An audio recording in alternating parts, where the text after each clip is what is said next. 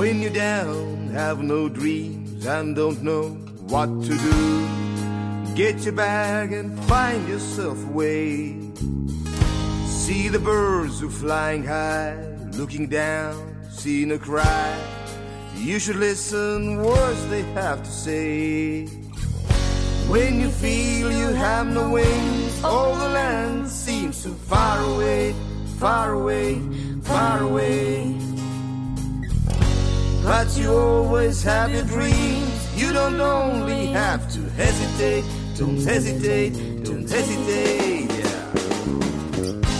Up your head and back your head, clear your mind and if you dare, get up and climb the nearest roof. Don't think long, just spread your arms tere and jump down. et äh, täna on see intrigeeriva kolmas saade intrigeeriva pärastlõuna kolmas saade ja meil on külas siis Hanno Soants ja Raul Kurvits ja tutvustamist vist ei vaja et aga kui tahate midagi enda kohta öelda niimoodi peale selle et te kunstnikud olete loomulikult seda teab vist igaüks õudselt tore on enda kohta öelda, et tere ja siis veel on tore öelda, et ma olen kunstiteadlane, sest kõik, kõigile meeldib kunstiteadlane, aga keegi ei salli kunstikriitikut. Ma jälle pean vajalikuks hoiatada, et, et ma ei ole kes teab mis tore inimene, ma olen päris kuri inimene. mis mis sa sellega mõtled no mida naerad ära igaks juhuks, ära igaks juhuks liiga detailselt küsi. okei okay, aga hakkame siis äh, saatega pihta, et äh, et ma kirjutasin sinna rek-, reklaami välja, et, et mida kunstnikud räägivad siis, kui kunstist ei räägita, umbes mingi sellise lause. et ma mõtlesin, et alustaks sellega, et et ähm, läheks veits ajalukku. et kunagi sa, Hanno, rääkisid mulle, et sa oled kaheksa aastat meisterspordi tasemel kick-poksija olnud. ja selle kohta on isegi vastav kunstiteos olemas, mis, mis praegu Kumus on üleval ja vot minu suhe kunstiga on selline, et ma olen terve eluaeg üritanud sellest ikka pigem eemal hoida. aga ei tule välja.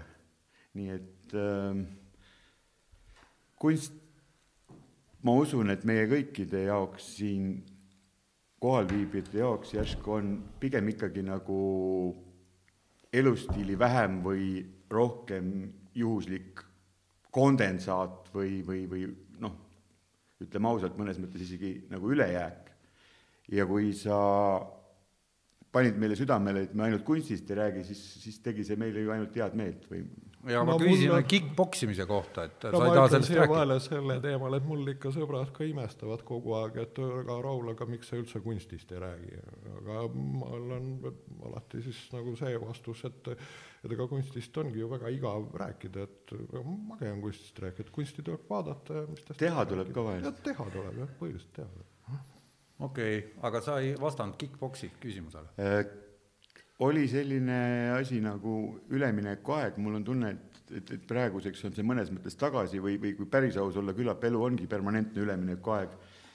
et äh, sai sporti tehtud ja lembid kolgi all karateed ja siis äh, ikka tundus, et kuidagi see täiskontakt on ägedam ja, ja tõepoolest peksid inimesi ka käisin seal, käisin isegi Moskvas peale Nõukogude Liidu lagunemist Padmoskovjas kuskil olümpiakülas Nõukogude Liidu viimastel meistrivõistlustel, mis oli päris sürreaalne kogemus.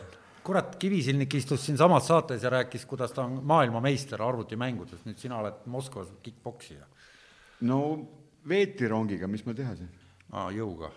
ei, meelitati kaasa. Okei okay,, aga no nii palju veel, et, et siis oli ju, keskkoolis oli vaja ka kuskil millegagi raha teenida ja ma olin treener. aga sa olid ikka nii kõva mees siis? ma arvan, et see Moskvas käimine oli nagu kuidagi kõvem ikka, see oli päris jube. kuidas läks? treener oli lihtne olla ei, aga kuidas läks Moskvas? ähm,. pool hästi. said tappa? sain tappa ka. kõvasti või? no nii, et olin ikka põrandal ka, aga aga teistelegi ka andsid? teistele ka andsin. aga kuidas see käis, et et tähendab täiskontakt või? Ilma kinnasteta? ei, ei ikka kinnastega täiskontakt nagu boksis, selles mõttes ikka vatitupsud käed. aga tähendab, seletage lahti, et mis siin nüüd vahe on nüüd ütleme, taekwondo, kick-poks, vabavõitlus, karate, no nii edasi. no kõik on võitluskunstid ja lõppude lõpuks, ega see täiskontakt ei tähenda muud, kui et ikkagi taas on mingid reeglid, kui sa ütled, et täiskontakt paljaste, paljaste kätega, siis tuletaks boksi ajalugu meelde ja, ja see on kummaline paradoks, mida inimesed ei taha endale teadvustada, et et räägitakse, kui brutaalne oli, oli poks siis, kui ta kuskil kaheksateistkümnenda sajandi Inglise aadliringkondades tekkis, verine ja nii edasi, aga, aga tuleb välja, et nende vatitupsust kinnastega on, on teised reeglid ja, ja kogu see ütleme, Muhamed Ali ajast pärit teadmine, et, et, et põrutab pea ära ja on, on halvasti, see tuli ikkagi nende kaitsevahendite tõttu, nii et oota, need sadul paari..., sadulninad on kaitsevahenditega seotud või mis kõigil poksijatel on? need on sellega seotud, et kui sul liiga palju see kõhr siit ninast katki läheb, siis opereeritakse see välja, et ei oleks tülikas poksida, siis on lihtsalt see nagu kõrvalest. aa, sul seda ei ole? mul seda ei ole. Kõverat nina mul ka ei ole geneetiliselt, nii. ei, ma just mõtlen, mul on, et mitte geneetiliselt, aga, aga teistel põhjustel, aga siit küljevett paistab päris kõver. no vot, aga see kõik on kultuura, mitte natura aga põhimõtteliselt, mida see kick-poks, kui me juba seda räägime siin ja arutame, et mida ta nagu kunstnikule annab, et enesekindlust või julgeme õhtul kõrtsust nagu sõprade juures see on lai... ka tore nüanss, aga nagu ütleb äh, minu suur juht ja õpetaja Märt Sults, siis äh, siis see annab ikka sihikindlust. Märt Sults on sinu juht ja õpetaja, kuidas see nüüd käib? ei no see käib alateadvuse tasandil oota, alateadvuse tasandil. külastab mind Märt Sults väga sageli. ei, ma, ma lihtsalt äh,, elukoht on selline, et ma pean hommikul, kui ma suitsu lähen tooma, siis ma lähen Keskerakonna kontorist mööda, mis asub Narva maanteel ja siis ta külastab mind ka alateadvuse tasandil. väga segane lugu. mind, mind ei külasta. ei, minu jaoks täitsa arusaadav, ikka vahel külastatakse niimoodi unenägudes, imelikumadki tüübid käivad aga Raul, kuidas sinu suhe kick-poksi on? Äh, null, aga, aga võit, võitluskunstidest ma olen no täitsa tõsiselt tegelenud vehklemisega, espadroniga täpsemalt öeldes, mul on meistersportlase kandidaadi järk, olen Eesti NSV-d esindanud üle Nõukogude Liidu sellel, selles relvaliigis päris palju omal ajal ja ma no ikka päriselt oskan seda. oota, mina temaga ei poksiks, vaadake, kui pikad käed tal on ei no jaa, aga ma mõtlen seda, et mul ongi ainult sportlased siin saadetes. no aga ega vehklemine pole sport, ega vehklemine on kunst. oota, aga ma olen näinud äh, sinul, äh, sinul ühte niisugust asja nagu äh, suur samurai mõõk. on sul see alles? mis sellega teed? No aeg-ajalt ma poolitan arbuuse, see ka väga äge on. vaat see on niimoodi, et teoreetiliselt on niimoodi, et kui sa viskad arbuusi ülesse, et enne kui ta maha kukub, teoreetiliselt on võimalik see lõigata šah-šah-šah kaheksaks tükiks no see kaheksaks mul ei ole päris õnnestunud, aga kuueks on, jah. no öösiti ma vahel niimoodi harjutan. aga kas sa, tähendab, see, sellega sa ei ole tegelenud spordina, noh, see, ma ei teagi, mis selle nimi võiks olla. ei nojah, see, see samurai, eks see on katana, eks ole, selle mis asi ta on? katana Katana. jah, jah, see, no see on mul see on nagu kata on karates ilma vastaseta no, siis. katana, see on ikka jaapani keel. see on sama jah. See on sihuke noh, pikk ja ta on natukene kõver, eks. ja äh, noh, ikka pesuehtne ja terav riist on mul, mitte mingi naljaasi. aga see on niisugune, noh, me oleme seda pärast juurde võtnud huvi pärast, et mida ma päriselt oskan, on ikkagi klassikaline espadroni vehklemine, see on noh, jah, noh, peetakse spordiks. kaua sa seda tegid või millal? mingi kuus või kaheksa aastat koguni vanuses kaksteist kuni kakskümmend. see oli siis, kui sa seitsmend- no,, kooli, kui me, kui me koolivennad seitsmendas olime no,, no. sina, sa sulgpallis ei käinud, seal oli meil ju koolitrenn sulgpall. noh, meil olid paralleelselt, näiteks me olime sulgpalluritega spordilaagris Elbis, Elbis koos äh, Mikk Targo ja, ja Heinz Toompere, kes meil olid seal, et me käisime läbi küll. Heinz mängis küll jah, kõvasti no,. aga meil oli jah, see oli ikka täitsa tõsine tipptasemel võiks öelda sport, ikkagi üle Nõukogude Liidu, väga vahva oli, noh, me saime reisida tohutult üle Nõukogude Liidu igal, igal pool, kus me käisime Orodžonikidžes, Saratovis, Moskvas, Leningradis iga nädalavahetus. aga sina ei saanud haavata? muuseas, Espadoren, see on tõsine relv. vaata, kui vehk-, vehklemisriistadest rääkida, siis meil on, eks ole, EP, meil on Floret ja on Espador. EP, noh, see, millega nüüd Eesti sportlased üle maailma tunnustust koguvad, no see on niisugune torkerelv, eks ole, ja Floret on samasugune, aga väiksem. me nimetame neid, meie Espadoni Eestis nimetame neid spinningutest, need, need ei ole tõsiselt oota, mis teil on siis mingid lihakirved? no meil on konkreetne Espadon, see on mõõk sellega raiutakse. nagu James Bondis alati. kas see, mida see. nagu Einar Laigna taob sepana välja, niisugust no, tüüpi no, või? kahe käe mõõk. Zorro, Zorro film ei ole neid, no Zorrol oli see, eks ole, Saber on see inglise keeles. Tšapajevil oli ja noh, ta on niisugune, noh, ta on löögirelv. Zorrol, Tšapajevil ja sinul. ja James Bondil. ja James, ja James päris hea kombo. ühes filmis oli. Pole viga. ma tooks korra lihtsalt ühe kulturoloogilise märkuse sinna kõrvale, sa küsisid, et kata ja katana, et, et see on selles mõttes, et kõik need katad ja värgid ju sündisid Okinawa saarel ähm, ja, ja kata ongi siis tegelikult äh, nii nagu karate on, on, on tühja käega võrdlus või tühi, võitlus või tühi käsi, siis kata on see, mis jääb järgi, kui, kui katanat enam sul ei ole ja siis sa pead kuidagi kedagisi hakkama saama, et et kui nüüd lihtsalt autobiograafiliseks uuesti minna, siis ma olen teinud lisaks äh, kick-poksingule, mis on kuidagi nii dramaatilisena kõlab äh,, judot, karateed, aikidood vähe, aikidood vähe. mis aikido vahe, vahe nende teistega? aikido on niisugune, no kui karate on see talupoja värk, siis aikido on aadlimehe värk, et aikido mehel peab ikka katana ka olema. Oota, nüüd läheb segaseks. selles mõttes, et aikido on, on relvadega sport, järelikult aristokraatlik, mida kõrgem on spordi, relvadega, sport ei ole õige sõna, mida kõrgem on tegevusviisi nimi on sõda. ohtlikkus, see on sõda, jah ja. ja.. mida, mida, mida ohtlikum on, on sõda, seda kõrgemini kvalifitseeruvad aristokraadid või siis aikido on aristokraatlik ettevõtmine võrreldes karateega ja nüüd hiljuti olen enda jaoks avastunud Wing Chun Kung Fu. kuidas palun? Äh, Wing Chun, see on siis see stiil, mida tegi kunagi Bruce Lee ja milles oli, millesse on inkorporeeritud ka mm, võimalused võidelda relvadega. Kõrgemad tasemed ei ole sinna kinni. kas relvad lõpevad selles maailmas mõõkadega või minnakse ka ütleme siis püssiroo peale? selles maailmas, kus me elame, minnakse kindlasti ei, ma mõtlen selles kat-, katade, katanade maailmas, idamaistes maailmades tähendab, kus sport või millest me üldse räägime? seal juba? oli vist niimoodi, et, et see oli üheksateistkümnenda sajandi lõpus oli seal tohutu kokkupõrge nüüd nende klassikaliste samuraide ja, ja innovaatorlike tüüpide vahel, kes nimelt samuraid keeldusid tulirelvi kasutamast, nad pidasid seda väärituks, on ju, ja astusid tervele no. hiiglaslikule armeele vastu äh, ilma tulirelvadeta mõõgudega, see on väga huvitav film on sellest tehtud, kes ta oli nüüd, Tom Cruise vist mängis ja mis selle filmi nimi on? vot, vot suurepärane film. viimane samurai, ma olen näinud vist seda isegi, aga see oli sihuke eepiline asi. aga noh, seal oligi just see point, et, et noh, tulirelvad, see lihtsalt samurai eetika välistas, et see, see ei ole, see ei ole väärt. no Wing Chuni või ütleme, Hiina võitluskunstide ajaloost on selles mõttes huvitav näide, et, et äh, koolis keskkoolis vaevalt, et seda enam õpetatakse, aga kuna meil on haridussaade võiks seda mainida, et oli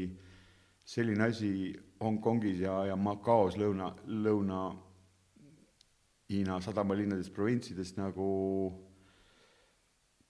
poksijate ülestõus, The Boxers Rebellion, kus nad ka samamoodi läksid öö, oma kujutlusega, et nad püüavad hammaste vahele kuuli, et öö, läksid, läksid sellega peale. aga on ajaloos ka muideks öö, teatud tuntud üks sõda Aafrikas, kus on öö, mitte tulirelvadega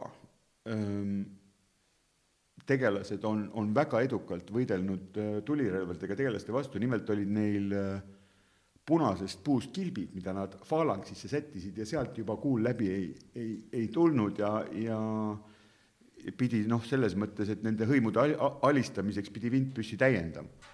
nii et kas see oli äh, Zuludega kuidagi seotud või? vot. meil on seal niisugused punased Aafrika ajalugu õpetatakse meile nii vähe, et ma ei oska sulle öelda. aga Aafrika ajaloos siis mul nüüd Rauli käest kohe küsiks, et see, ma ei tea, kuidas see nüüd seostub, aga et sa olid, see, see jääb kuhugile Aafrika ja Ameerika vahele ilmselt see teema rohkem, aga et sa olid New Yorgis, kui need kaksiktornid õhku lendasid, et, et ole, sa ütlesid kunagi, sa aknast nägid et see oleks nüüd väga huvitav nüüd nojah, kuulajatele ilmselt ja vaatajatel. sõjateemadelt eh, nagu libiseda libiseda jälle natuke vandenõuteooriatesse. teistsuguste sõjateemade peale. ei noh, seda, seda lugu ma olen sadu kordi rääkinud, aga räägin veel, see, see, see on, see on, see on nii tore lugu, seda ma elu lõpuni võin rääkida. mina ei ole kuulnud seda, ma, ma olen lihtsalt, et, et kukkusid ja sina nägid. no päriselt jah, see lugu oli niimoodi et oli teisipäev, eks ole, kell hakkas saama täpselt kümme minu kella järgi, ma ei olnud veel hommikukohvi joonud, noh, kuulsin, et seal mingid, mingi ärevad hääled nagu äh, koridoris käisid ja mul oli tähtis asjalik päev ja siis noh, mina läksin poodi nagu kohvi ostma. astun äh, oma äh, selle ATK koridori, eks ole, minu aknast paistis muuseas täpselt see Empire State Building. ja, ja astun koridori ja naabritele ütleb, et oh, vaata aknast välja, vaata aknast välja.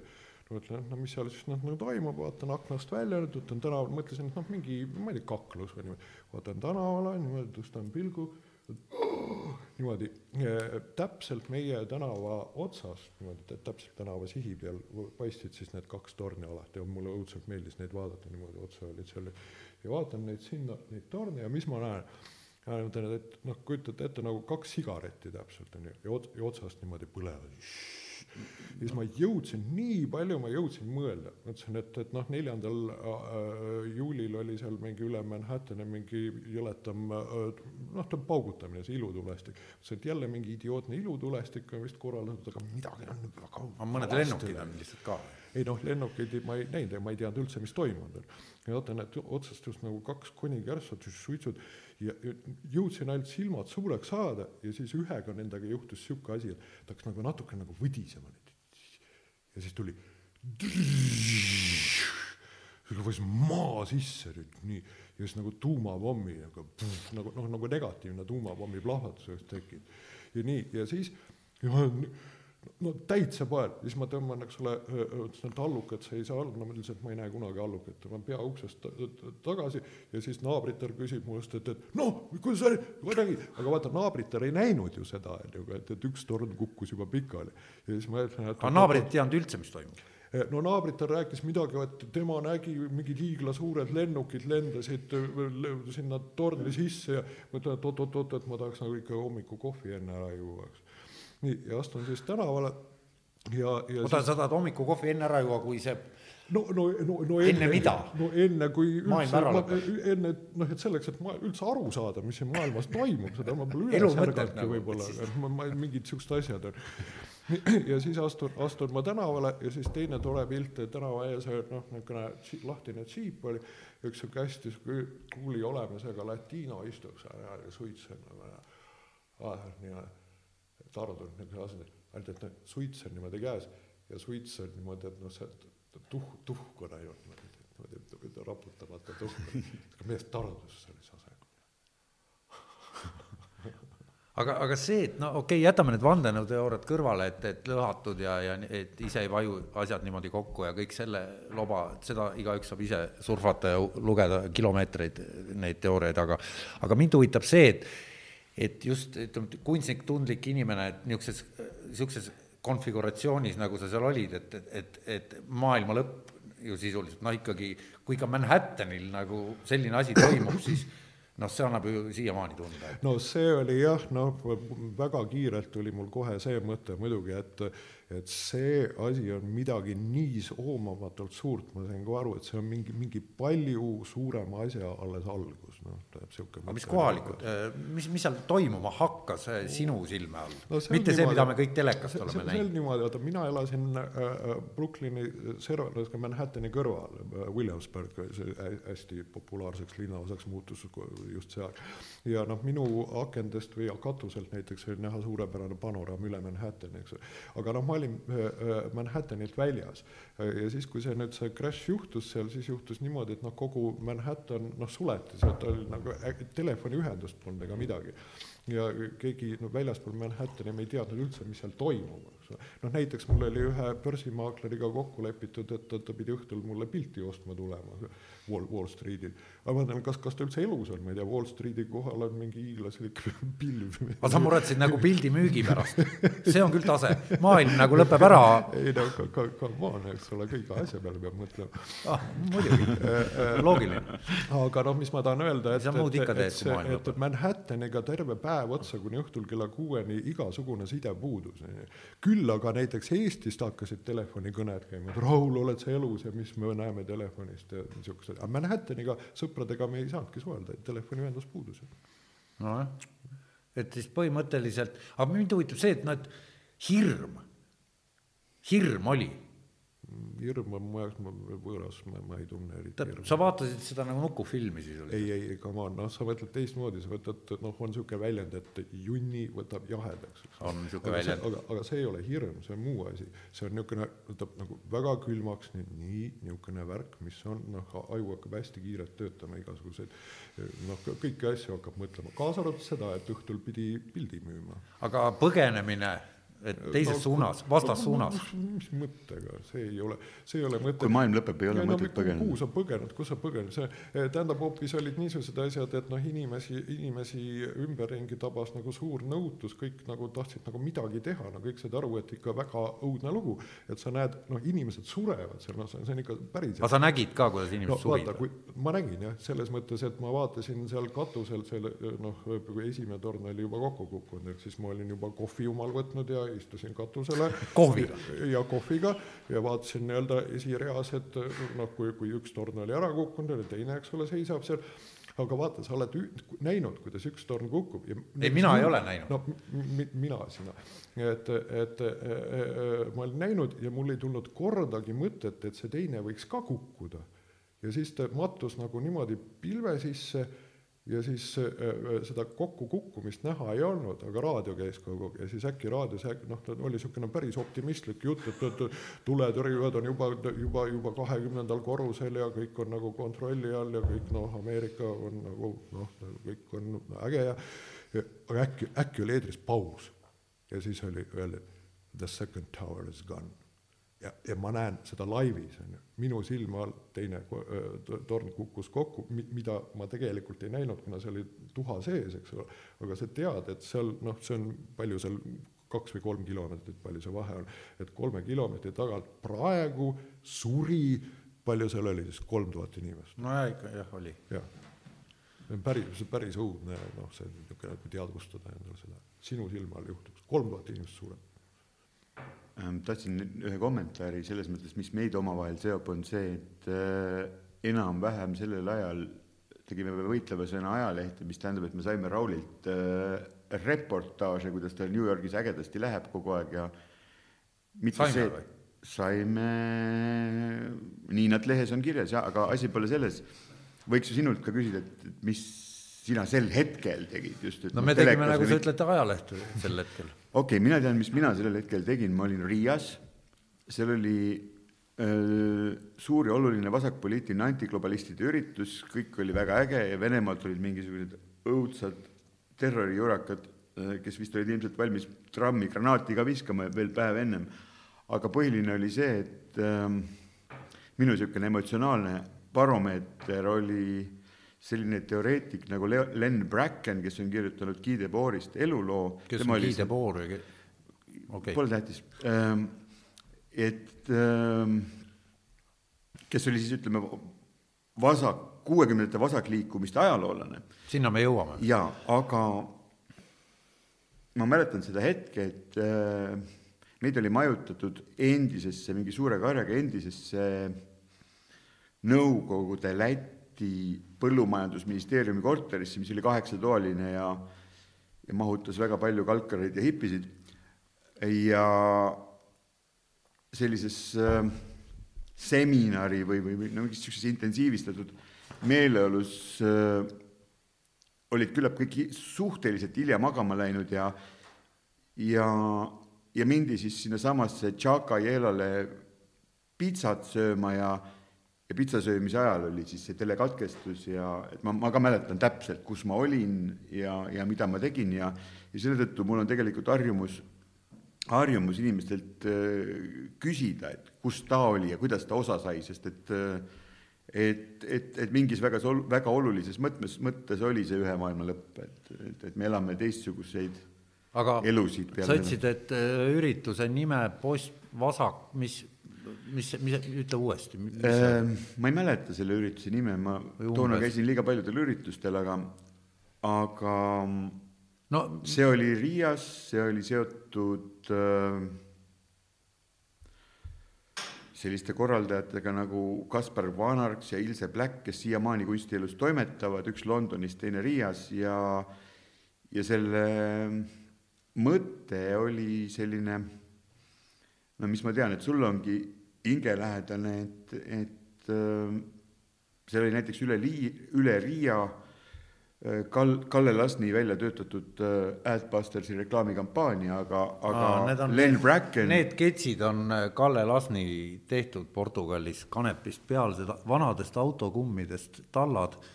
Ja ja need on, need on nagu, siin on punane mumm ja seal passis oli kirjas, nende ketsidega kaasa tuli, et to kick Nike's ass. Et, et no see, see annab nagu selle seminari, konverentsi, selle Kalle Lass elab Vancouveri eestlane, jah. Meeleolu on tabatud, jah, me oleme praegu mingis ei, ei, me oleme väga õiges kohas, et ma lihtsalt kuulajatele-vaatajatele ütlen, Kalle Lasn on Vancouveris elav eestlane, kes siis tegeleb seitsmekümnendatest alates juba sellise, on aktivist või kuidas öelda? jah, aktivist. ja annab välja ajakirja Ad Busters, mida soovitan kõigil lugeda, netis ka on olemas ja saab tellida ja, ja on selline äge asi, aga nüüd see vasakpool liberaalne, et kõik kunstnikud on ju vasakliberaalid, ei ole või? sina ei ole?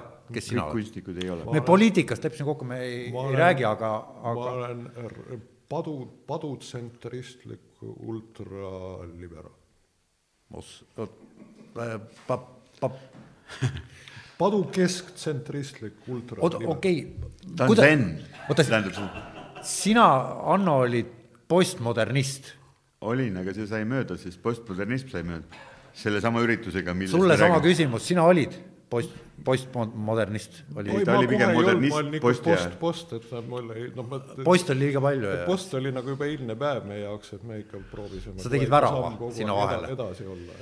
okei, aga, aga praegu materdatakse postmodernismi ühelt ja teiselt poolt, et ja, ja mulle meeldib, kuidas, et aga kuidas teile meeldib? Mis asi, postmodernism? no see, et teda materdatakse. no, no et vasak ja postmodernism ja, marksism. postmodernismiga see asi, et tegelikult no nüüd takkajärgi nüüd noh, enam seda nii väga tõsiselt ei võetagi, öeldakse, et tegelikult on see üks modernism kestab ikka edasi ja, aga see postmodernism oli lihtsalt klassikalise modernismi teatud kriitika ja ta on niisugune kriitiline noh, teoreetiline nagu suhe. Kuidas Mina, sina seda mul on see kergelt nagu kunstiajaloo hariduse tõttu on see, see ajaloolase suhe, et, et ma võin öelda, et on selline võtmenimi ajaloos nagu härra Toynbee, kes ütleb, et, et antropoloog moder... oli Toynbee, kui ma ei eksi.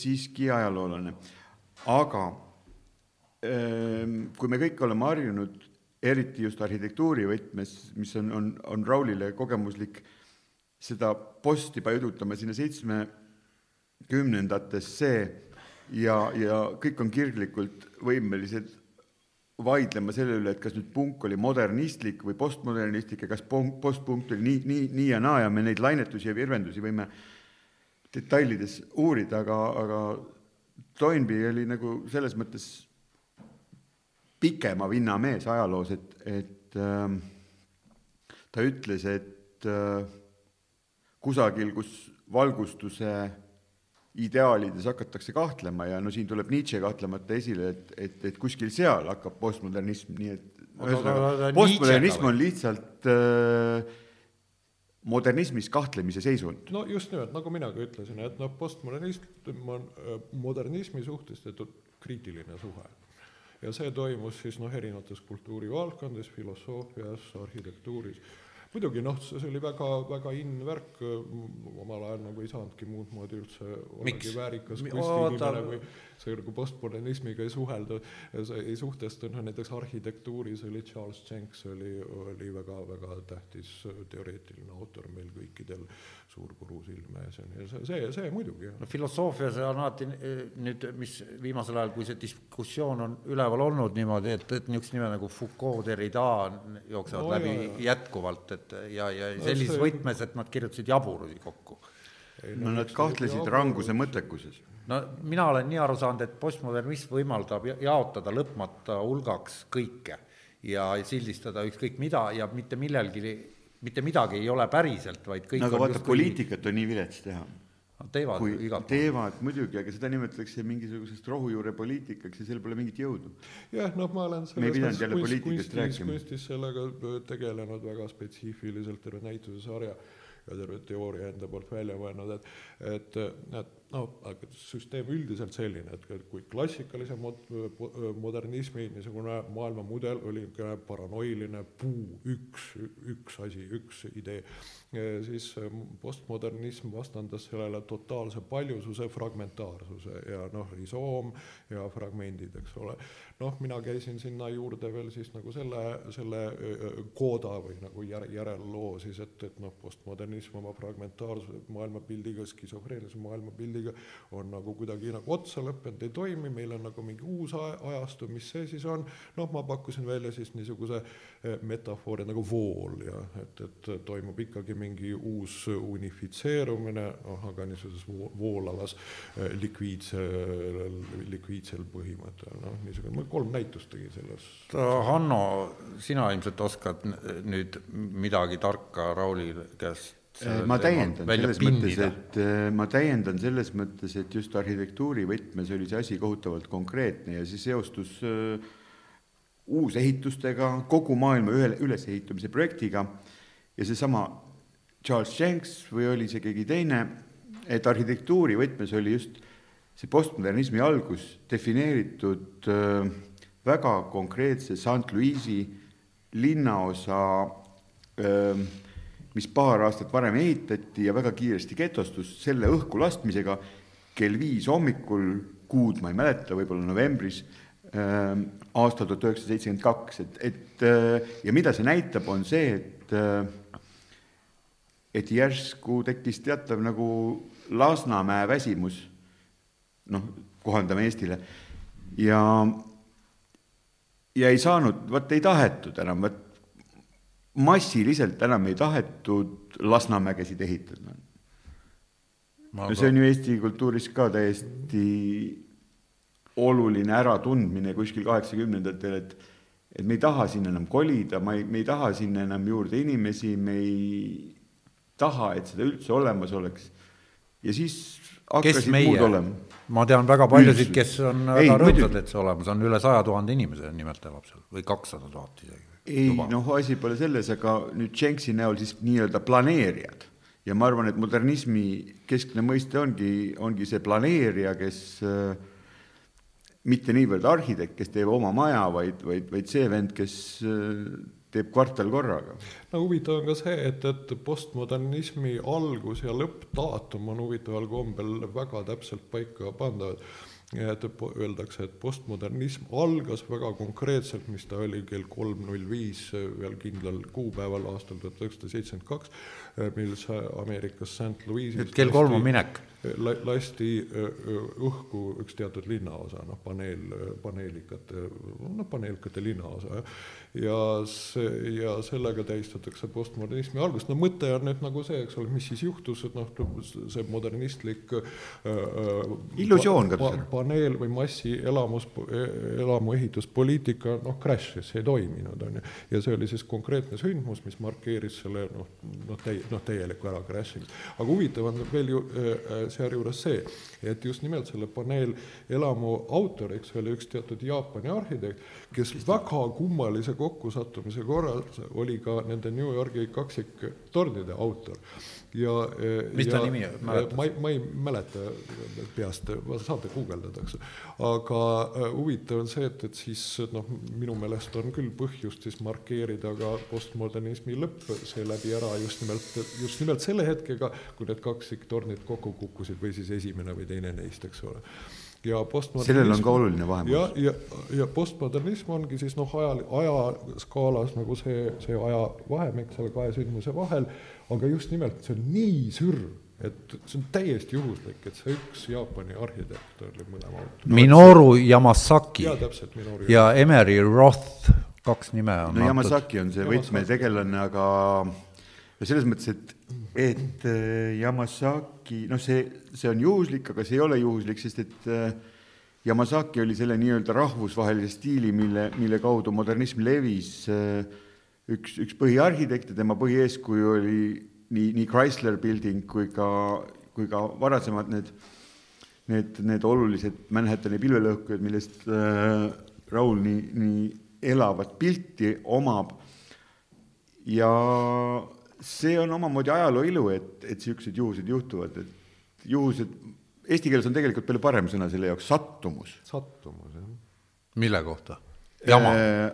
ajaloo juhuslikkuse tõttu, et, et seal on põhjuslik, põhjuse ja tagajärje ahel ja keegi ei saa öelda, et, et see on loterii, juhuse loterii, vaid see on, see on sattumus selles mõttes, et äh, noh, ma ei tea, nii nagu no hammasrattad satuvad kokku ja panevad mingisuguse masinavärgi tööle ja, ja see, mida masinavärk toodab, on faktid ja, ja see ei ole noh, me võime anda hinnanguid, see on tõlgenduse küsimus, aga siin ei ole mingit kahtlust, et, et üks ajastu nii, üks ajastu naa ja, ja nad on lõppenud ja me peame millegi muuga kohanema, muidu Oota, sa meilt ei küsiks neid. ma nüüd tahaks Rauli käest väga täpselt teada seda, mida Raul väga täpselt väitis, et ta teab, et millal siis postmodernism lõppes. no täpselt selle kahe torni kokkukukkumisega me võime võtta, et kas 11 esimese september. või ühesõnaga üheteistkümnendal septembril kaks tuhat üks. lõppes postmodernism ja mis siis hakkas? me ei tea, me ei tea. oota, aga öeldakse, et, et kahtluste ajastu ja voolavus praegu räägitakse, et ülikoolides vohab äh, postmodernistlik äh, ajupesu, mis ka marksistlik, postmodernistlik on enamasti ühes lauses ja, ja, ja nii edasi, mis selle no peale selle all mõistetakse üldiselt seda just nimelt nende postmodernistlike filosoofide, ühiskonnateadlaste üldse selle mõtteviisi noh, siis ütleme lev-, levik, levikut. aga et see praegu käib, mitte see ei ole lõppenud ku- mis sa ütled kuskil. selle ajupesu kohta? ajupesu kohta ma ütlen seda, et, et noh, ma marksistlik kahtlemata, sellepärast et ei kunstikultuuri ega mida ütleme, muid nüansse elu tegelikkuses ei ole võimalik kirjeldada ilma äh, ilma, ilma baas, baassüsteemita, mille, mille dekoratsiooniks meie kõik, meie väiteid on, aga et kuna ma enam ei mäleta, millest mul lause algas, siis baas, baas, et mind nüüd huvitab, mis on need, te olete mõlemad õppejõud olnud kunst-, hinnangulisus, on see, see, mida sa ütlesid, et, et öeldakse, et ülikoolides on nii ja naa, siis me läheme hinnangute okay, valdkonda. mida teie rääkisite oma ülikooli- üliõpilastele? Ma ei tea, mina õpetan hästi praktilisi distsipliine, joonistamine, maal, kompositsioon, ma, ma, ma ei, ma, ma, ma ei tea, ma ei tea seda täpselt. no aga Hanno, sina oled kirjutanud ju massiliselt artikleid, kunstikriitika nii edasi, see ongi sinu leib. jaa, see on minu leib jah, aga mm, et sa tahad teada, mis hinnangu ma sellele annan. ma annan sellele sellise hinnangu, et ähm, et ma küll ei jaga selle hinnangu andjate seisukohti, aga diagnoos on diagnoos oota nüüd, mille, Eh, mille, hinnangu andjad, tähendab need, kes ütlevad, et, et ülikoolid on täis inimesi, kes äh, äh, raha eest noori äh, lörtsivad, seda hinnangut ma ei jaga. Aga see, et nii räägitakse, on diagnoos millegi kohta ja taas me oleme seal, et me ei tea veel, mille kohta see diagnoos käib või? no okei okay,, võtame niisuguse asja, mida kõik, kõik on kuulnud ja mis praegu toimub, on see gender study värk, et, et on ülikoolides on niisugused õppetoolid, mille nimi on siis eesti keeles, mis ta on siis, sooõpingud. soouuringute. ja et, et mida kuradit seal fucking õppida, seda peeglist on näha ju või, või, või mis asja ma, ma, ma, hea küsimus kahtlemata ja, ja kahtlusi on, on, ja, või noh, kahtle-, kahtlusi on, et, et ka nüüd, nüüd, nüüd, nüüd nagu tõesti nüüd on, mis seal ülikoolides nüüd nagu toimub no ma jään vastuse võlgu, noh, kui tõesti on niimoodi, vot ma näen, siin on Ardo on, Ardo on saalis. no Ardo, küsimused tulevad valusad, ma luban teile. postitas mulle ühe väga ägeda mm, loengu Youtube'is oli see vaadatud, ma ei mäleta, kes autor oli, kes siis väga pikalt ja huvitavalt rääkis kaks, kaks tundi noh, sellest samast küsimusest, et, et kuidas ja noh, tema oli siis niisugune konservatiivse poole mm, autor, väga vaimukalt esines ja, ja tõepoolest tõi siis esile, et, et niisugune probleem on ja, ja justkui nagu ülikoolis siis noh, niisugune niisugune vasakpoolne, no ütleme siis nagu ajupesu siis nagu toimub. ta väga, väga vaimukalt ja pikalt rääkis, huvitav oli sellest kuulata, noh, ma pean ütlema, ma pigem nagu temaga jäin nõusse jah, et, et kui, kui on nii, siis on, siis on halvasti jah aga no ma ise kahtlen, ma ei tea, mul, mul puuduvad tõendid. ei, ma lihtsalt tõendid, olen vaadanud mingeid. totaalne vasakpoolne ajupealu mm.. no et, et kui, enne kui ma hakkasin. on igasugu ülikoole selles mõttes, aga ja, ja me istume ka toolidel, et, et, et see kateeder, tool, autoriteet, et ei pea seda asja võib-olla nii tõsiselt võtma, aga, aga nagu üliõpilased. oota, oota, aga teisest küljest lihtsalt tahes teoreetilist vastuargumenti Raulile öelda, on Foucault, sa mainisid, et, et postmodernism, poststrukturalist, et, et Foucault ütleme siis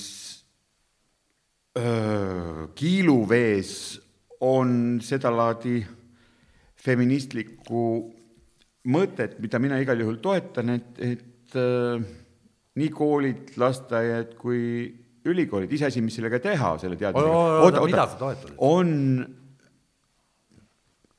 heterotehased selles mõttes, et või siis võib-olla tulevikus on homotehased, ma ei tea, aga küsimus on selles, et äh, ühistru-, ühiskonna struktuur on niimoodi välja kujunenud sattumuslikult ja põhjuste ja tagajärgede läbi, et äh, midagi seal ju õpetatakse ja alati millegil, mida õpetatakse, on oma väärtussüsteem, nii et Raul teab väga hästi, et see, kui ta ütleb, et, et ta õpetab praktilisi asju nagu joonistamine, et, et sellel just nagu ei oleks väärtussüsteemi küljes, no küll ikka on.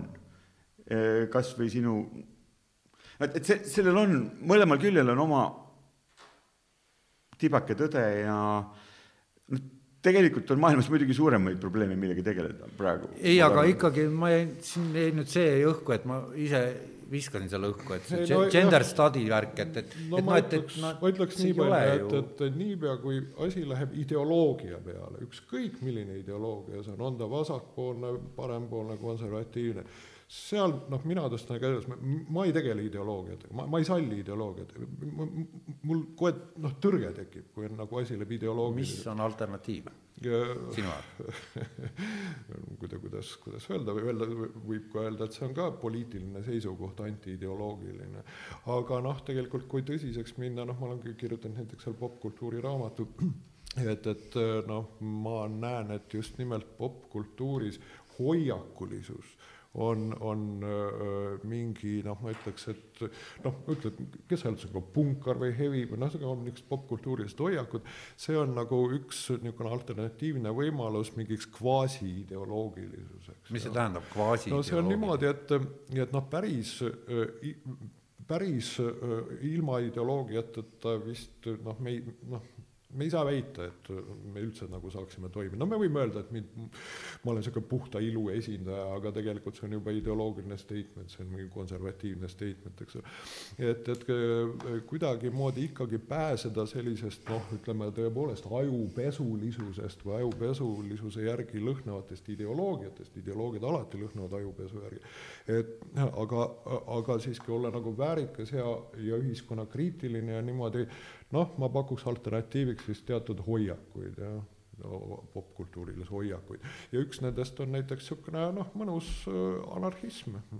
ühesõnaga, sa leiad, et ühiskonna väärika liikmena üritades eemal hoida ideoloogiatest, on võimalik, et see ühiskond meie ümber siin tänasel päeval anarhia vormis niimoodi eksisteeriks rõõmsalt? ei no ma ei tule ühiskonda õpetama, et kuidas ta peab nagu, nagu, nagu toimima, aga ma olen piisavalt rahul, kui ühiskondlik, ühiskond ja poliitika ja maailmakorraldus lubab mul isiklikult ja, ja teistelgi eh, olla ja käituda nii, nagu ma tahan no ütleme näiteks Varro Vooglaiule näiteks ei meeldi üks ja teine ja kolmas asi aga, aga miks näiteks mulle peab meeldima, miks ma peaks nagu elama jätame, jätame parteipoliitika välja ikka. ei no me räägime ideoloogiatest juba, eks ole okay., et, et me juba räägime nendest asjadest. et, et niipea, kui asi läheb mingite keeldude, käskude, korralduste noh, nagu liiga suurte ärakorraldamiste peale, muuseas see noh, näiteks naaberriigi, võtame Rootsi sotsiaaldemokraatlik paradiis pidi olema, näiteks mulle ei meeldi see ühiskond. mulle ei meeldi, mulle ei meeldi, kui on asjad liiga ära korraldatud siis mul juba tekib noh, ideoloogiline tõrge. kuidas sinul on? ideoloogiad on nagu klimbid, et kui nad supi sees on okei okay,, aga kui nad on suuremad kui elusuurused nagu parteid, siis on tõesti natuke õudust äratav. ja võib-olla selline kunsti äh, nohiku kommentaar sinna juurde, et äh, Raul, kes on Eesti kunstiajaloos selle poolest tuntud, et ta on kirjutanud esimese Eestis avaldatud artikli Nõukogude aja lõpus äh, Joseph Boydist, et siin on, on, on märksõna ja kahtlemata ideoloogina töötanud figuur, kelle puhul on, on õige pisuke nüanss, mida ma arvan, et Raul üritas ühiskonna tasandil selgeks teha, aga mida mina üritan praegu indiviidi tasandil äh, Rauli uurijana selgeks teha. ja see on see, et äh, et üks on šamaan ja teine on preester. preester ronib kantslisse, jutlustab, ütleb, kuidas kõigil tuleb teha, šamaan võtab osa, jagab teistega ja on ühiskondlikus struktuuris teisel, teisel seisu, mitte seisukohal, seisukohad võivad olla samad, aga tal on äh, teistsugune teooriatehas ja, mul, ja praktika väljund. see niisugune kõnekäänd öeldakse, et jaga ja valitse ja vot see on just tore, et, et äh, šamaan on see, see selline mm, institutsioon, kes, kes ei valitse, vaid jagab. jagab ilma valitsemata, no, no kuidmete tekkis mm.. no nii, aga äh, noh, ikkagi jah, kisub sinna ühiskonna ja, ja sotsiaal sotsiaalteemadesse kuidagi jõudnud. sina kiskusid. mina kiskusin ja et olen süüdi, et aga samas noh, me peame elama kuidagi, et mis, kurat, ma mõtlen, et kuidas nüüd ikkagi neist, et ähm,, et, et hmm,, hmm, hmm.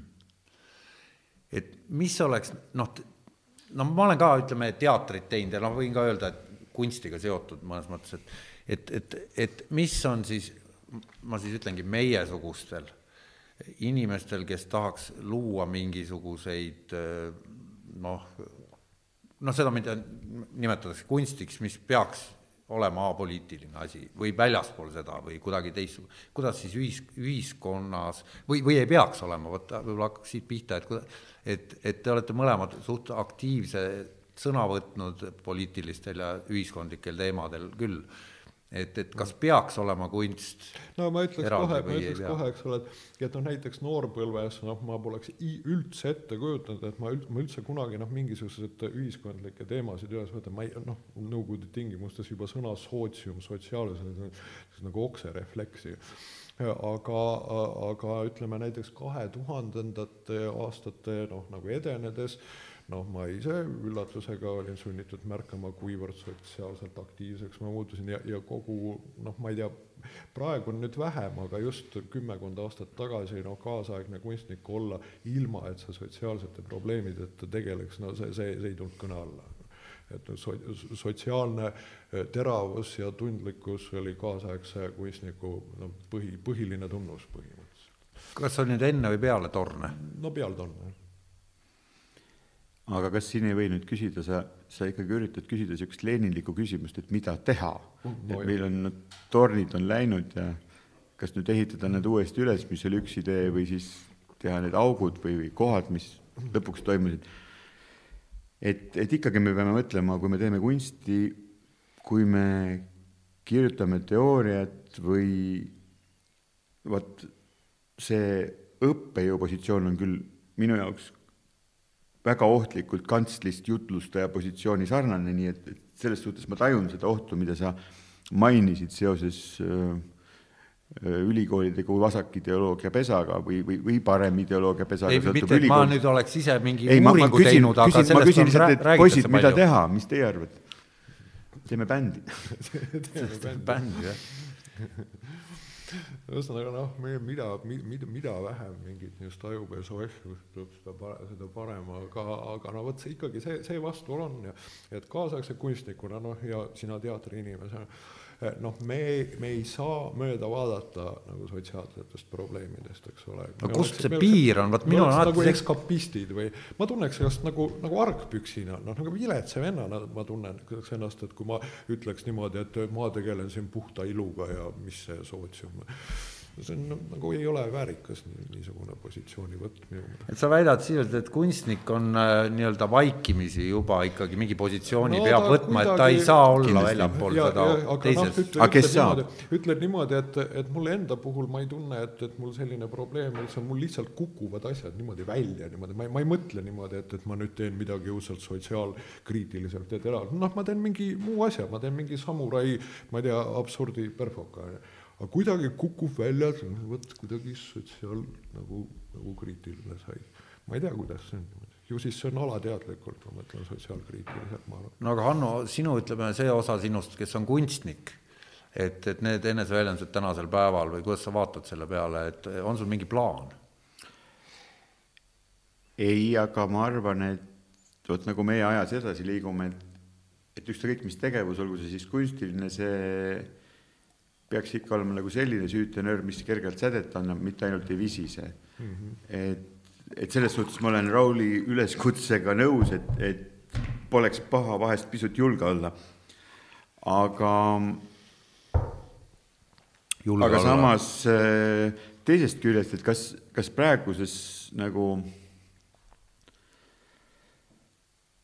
olukorras, mida me erineval viisil oleme püüdnud, püüdnud defineerida et kas võib-olla pole me natuke otsa, otsa pealt tagasi seal, seal Nõukogude ajas selles mõttes, mitte et ma arvaks, et, et Nõukogude Liit ja Euroliit oleks sama, see on täielik totter jutt, aga et selles mõttes, et et võib-olla estetismi positsioon ehk siis Oda... hool, hoolimatus sellest, mis ühiskonnas toimub, võib ka olla ühiskondlik statement ja no Rauli mm -hmm karjääri algusaegadest me teame, et just täpselt nii see oli. Nojah, mulle meeldis omal ajal äh, nagu mõtiskleda niimoodi, et äh, näiteks üks lemmikautoreid, Søren Kierkegaard, niisugune tore äh, teos nimega Emb-kumb jah, mis siis ka põhimõtteliselt seisnebki eeti-, eetika ja, ja no Søren Kierkegaard siis, et kuulajatele, meil on siin nooremaid kuulajaid ka loodetavasti ja vaatajaid, kes ei, ei tea, et no, Taani filosoof, kes elas eksistentsialismi nagu olulisemad autorid. juba üle saja aasta tagasi. Vist on kaks aastat, kakssada aastat taga vist vist. et, et, et tal oli niisugune teos Emb-kumb jah, ja, ja, ja noh, põhimõtteliselt ta esitas siis ka selle eetik, eetika ja esteetika dilemma, et, et tema väide oli, et, et kui sa tahad olla esteet, on ju, siis sa ei saa olla est-, e, e, e, eetik, eetiline et, et, aga mõte selles, et eetika ja esteetika ei käi omavahel kokku. ja mulle hirmsasti meeldis see variant, see on väga hea minu poolt, mina valin esteetika, igasugune eetika jääb ära. ja see on nüüd, siit tuleb siia otsa siis see Nietzsche Beyond Good and Evil, eks ole, et, et see mõte selles, et kui sa oled esteet, sa mõtled esteetiliselt ja mingi kurja, hea, mingi, mingid eetilised kategooriad, noh, need, see ei ole seal üldse teema.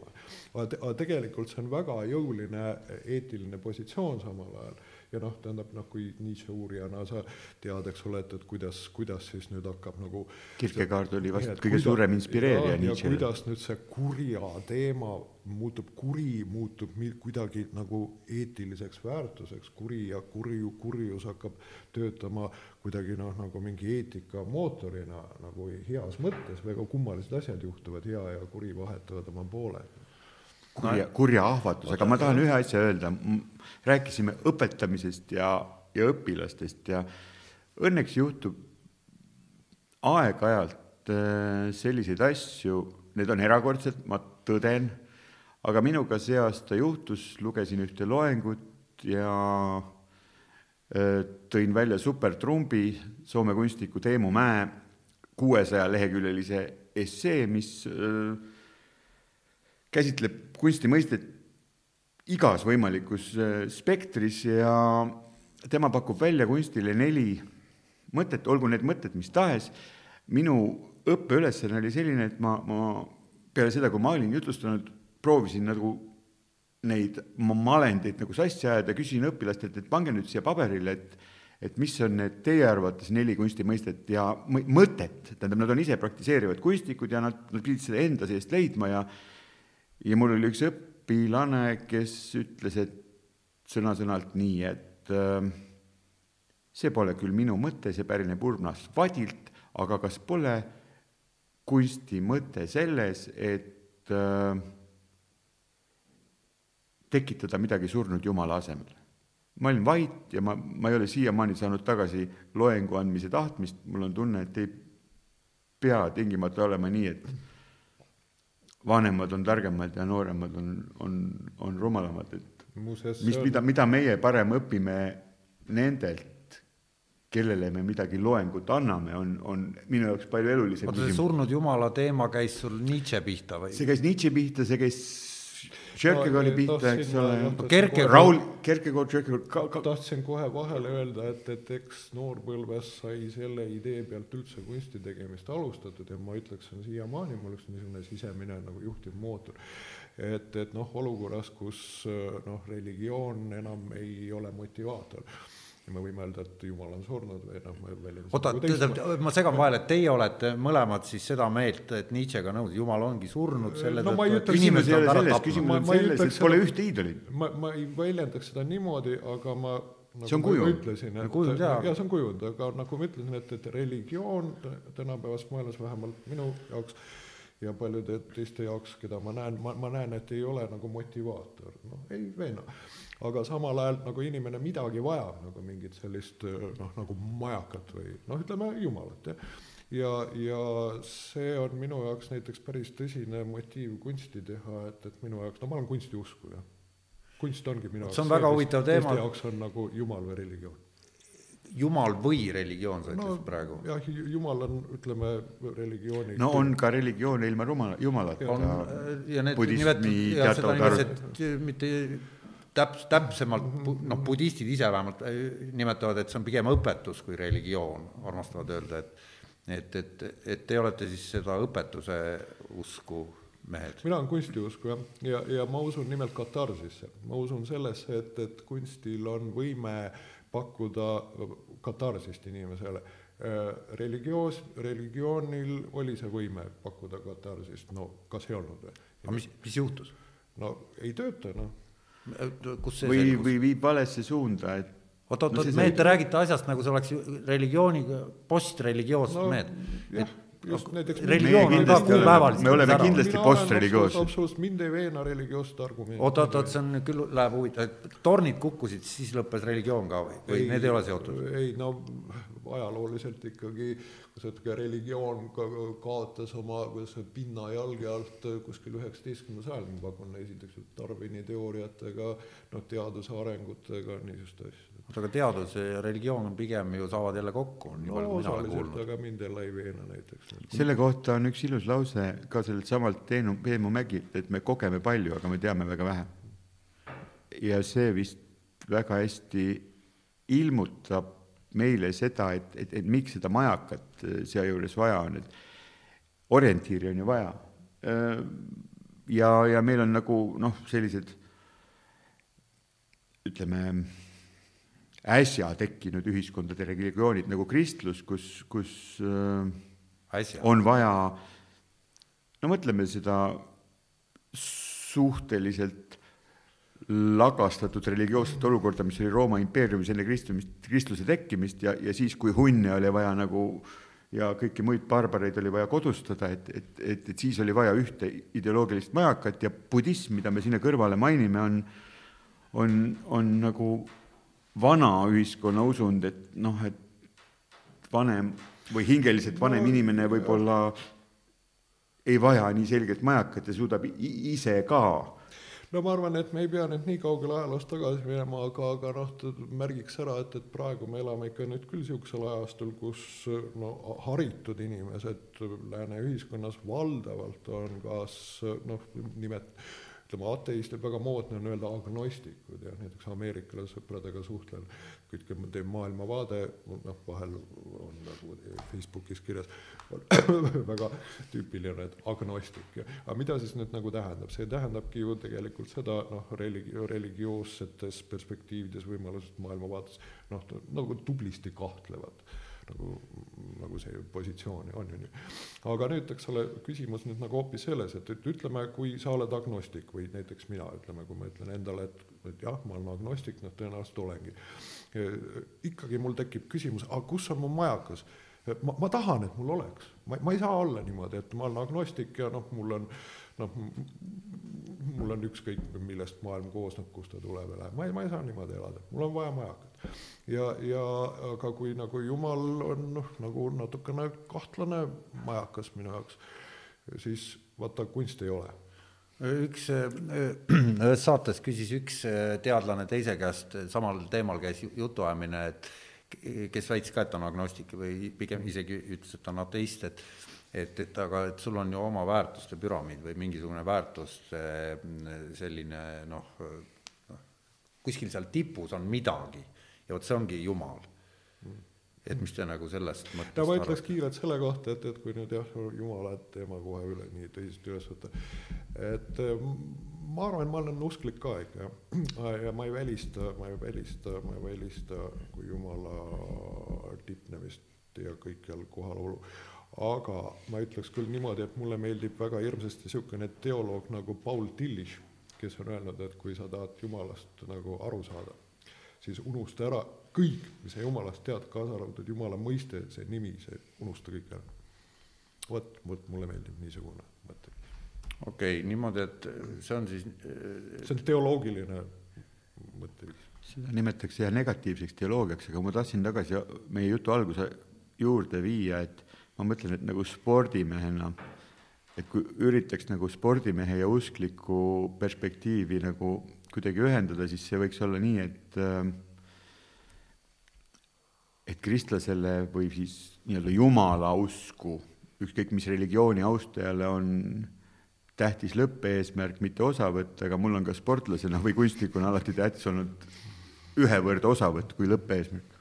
ja, ja ma kardan, et, et just ohtlikud on sedalaadi ideoloogiad, mis äh, viivad selle tasakaalu Äh, kuidagi mõõdutundetult äh, parlangsist välja, et, et, et kui järsku saab ainult, no islamit süüdistatakse selles, et, et, et pole ei kolmainsust, ei ole noh, ei mingeid hajutavaid printsiipe ei ole, on ainult üks pime siht, Allah, ja ja seetõttu olla isl-, islam ohtlik, olgu see islam või olgu see ma ei tea, Snickersi reklaam, et, et seal ei ole nagu väga suurt vahet, et aga teistpidi on, eks ole, nagu Nõukogude ideoloogia nagu väli, välistas religiooni, välistas Jumala, aga mis, mis siis tehti, selle asemele seati partei, tegelikult puht, puhtalt kvasireligioosne nagu käik tehti. no aga mis siis teha, ütleme, me, nüüd on põlvkond, kes on sündinud Eesti Vabariigis, on peale kasvanud, on täiskasvanud, otsivad siin noh, pole elanud Nõukogude ajal nagu meie, et, et, et noh, et ja, ja istuvad, istuvad Facebookis ja, ja, ja jauravad seal. et ja, ja, ja, ja, ja ma olen nendega rääkinud, noh, mul endal ka paar tükki lapsi ja, ja, ja, ja, ja noh, ega see religioon nüüd ei ole, ütleme, selles tabelis esimestel kohtadel, mille, mis on neil jututeemadeks et, et pigem emotikonid ja, ja, ja, ja muud. no ikka mingisugune niisugune vaimne väärtussüsteem ikka peab olema, vaata noh, meie noorpõlves oli ikkagi vaimsus, see oli ikka väga tähtis asi, et noh. enam ei ole või? no sa räägid, et noored seal, ega ma, ma ei, ma ei tea, ma, ma, ma tahan lihtsalt öelda seda, et, et noortele jah, nagu südamele panna, et vaims, vaimsus, ärge, ärge alahinnake vaimsuse asja, tegelege vaimsusega. räägime siis vaimsusest, et mis asi see vaimsus on, kui sa seda niimoodi noortele propageerid no,? mis see definitsioon läbi, on? läbi käia siis need küsimused, kas või jumala küsimused, eks ole, need, need küsimused peab endas arutama. koolis peaks õpetama? Äh, ma ei arva, et seda õpetama peaks, aga ma panen noor, noortele südamele, et, et, et noh, tegelege sellega omavahel vestluste käigus, eks ju. näiteks kas või seesama Jumala küsimus, et pole tähtis, kas te vastate endale, et kas Jumal on olemas või ei ole või, või kas, kas te usute sellesse või mitte, aga tähtis on hoopis, et, et noh, te selle probleemistiku endas nagu läbi käite. ja, ja see ongi vaimsus, mina, mina arvan. no Hanno, sin-, sinu, kas sul on teistsugune definitsioon selle? Raske öelda.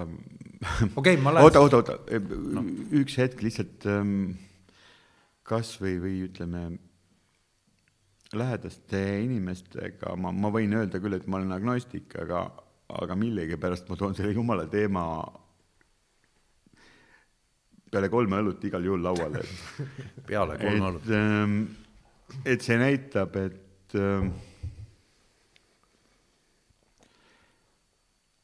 et teadmisel on piirid ja me peame lugu pidama sellest osast teadmisest, mi-, mis ei ole veel instrumentaliseeritav. okei okay,, teadmisest me samast tüvest saame ka tekitada sõna teadvus, mis on väga huvitav teema, äärmiselt huvitav teema. ja hakkame siis sealt pihta, et teadvus kui selline, et kas teil on mingi oma seisukoht, kus see asub? Noh, ma ei tea, nüüd esimene asi, mis mul kohe selle peale ette on nagu see Tiibeti surnute raamat, eks. et, et äh, Tiib-, Tiib-, Tiibeti lamaismil on uskumus, et kui inimene ära sureb, et, et tema teadvus säilib ja siis sellega metoodiliselt tegeletakse. ja aga nüüd tekib siis küsimus, et, et mis see siis see teadvus on ja pure consciousness et selle all siis mõistetakse põhimõtteliselt seda, et, et noh, kui me kehaline substatsioon, substraat on kadunud, et, et, et siiski noh, teadvus säilib. aga samal ajal on, samal ajal on näiteks sellesama Tiibeti surnute raamatu sissejuhatuses Dalai-laama isiklikult ütleb, et et unustage ära need järgmised ja eelmised elud, et see, meil on üks elu, et, et see on kõik puhas metafoorika. ja, ja kui seda raamatut tähelepanelikult lugeda, siis äh, tuleb ilmselt aru saada, et, et teadvuse säilimise all mõistetakse seda viimast hetke, mis inimene veel elus on, jah. loodetavasti tal siis, ta on veel teadvuse juures, sellega metoodiliselt tegeletakse, noh, meil on Alžeimerid ja asjad, eks ole et see, see ei pruugi olla noh, nagu kõikidele üldse antud, aga metoodiliselt tegeletakse sellega, et inimene oma elust, maisest elust lahkumise hetkel oleks teadvuse juures kuidagimoodi. Ja filosoofiliselt siis võib nagu öelda, et, et seda noh, selleks nirvaanaks, igavikuks peetaksegi siis tegelikult selle kõige viimase teadvuse olemasolu, maise olemasolu hetke äh, mõttelist igaviku pikenemist. võib-olla võtaks selle juurde siis, mitte et mulle budism ei meeldiks, aga kontrastiks teadvuse ja teaduse teema, et, et, et kui me räägime sellest, siis, siis olen minagi kuulnud, et võib-olla praeguse aja teadushorisont või, või uued Nobelid on, on loodetavasti tulemas sealt, kus suudetakse ühendada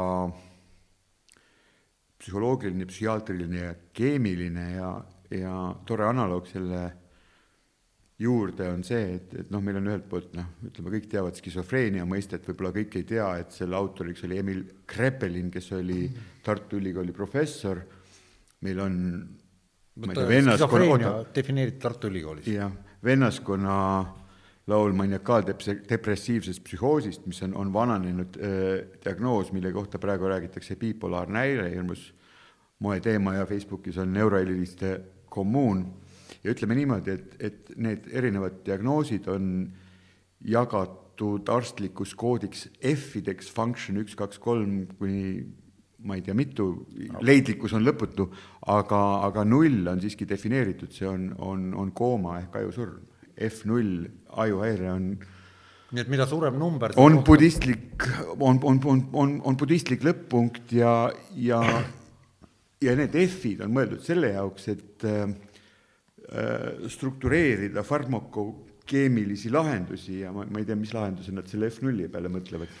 aga muuseas on ju ka niisugused uued huvitavad teemad on nagu tekkinud, et on rida tüüpe, kelle, keda ei rahulda noh, nagu see niisugune metafüüsiline te teaduse igavikulisus, vaid kes ikka tahavad saada täiesti füüsiliselt igavest elu ja investeerivad ja, ja panustavad selle nimel, et ikkagi päriselt füüsiliselt igavesti elada.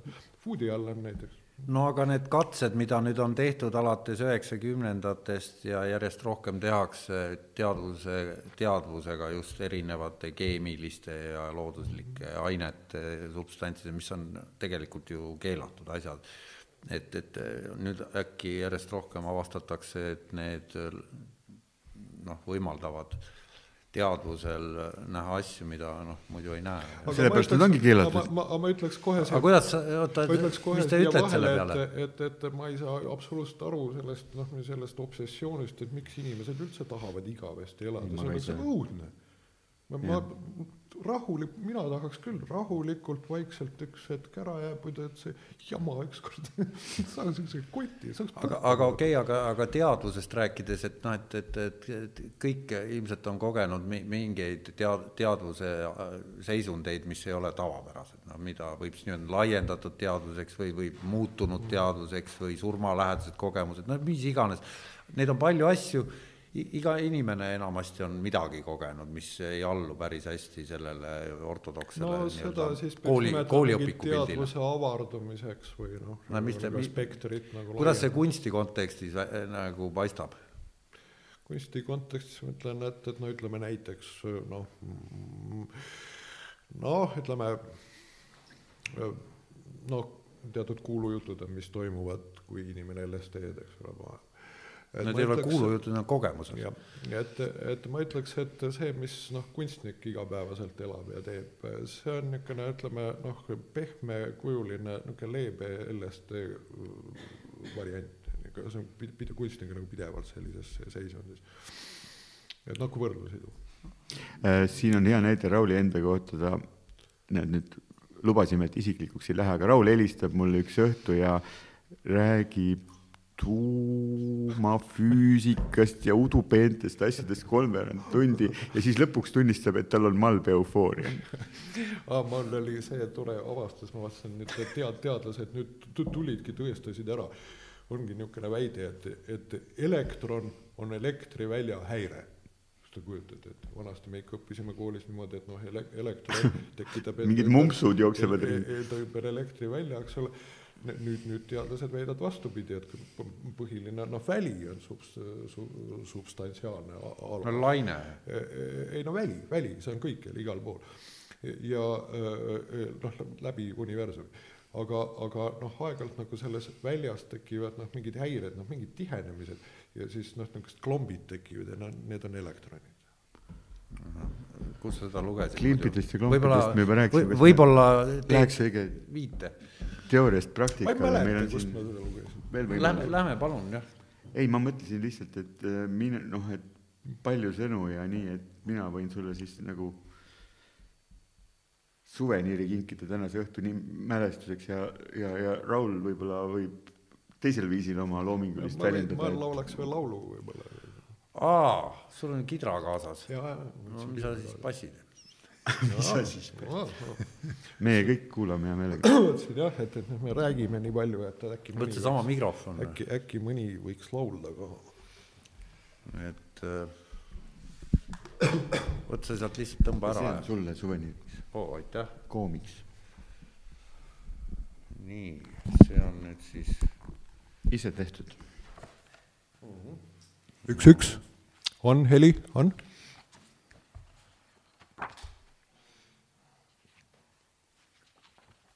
aitäh. ega ma küll eriti ei oska, aga ma ei tea, ära vabanda. lubatakse. mulle hirmsasti meeldib see pilv, teiste armunud selles. Gibson Les Paul. ahah, okei okay..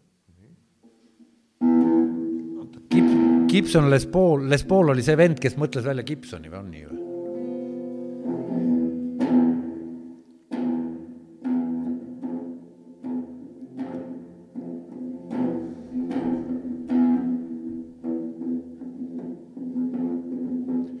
Love finds its way to the desperate heart.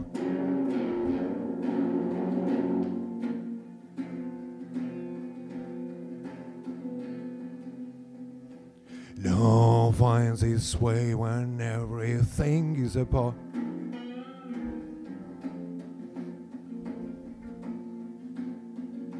Love finds its way through a saddest cave. Love finds its way through a cruelest gate.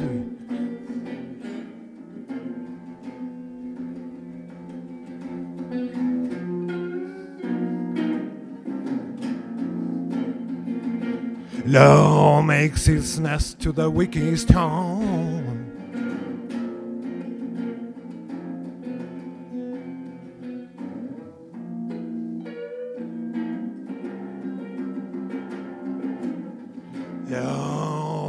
Its best to the trickiest tongue. Love finds its way. Love always finds its way. Love always finds its way.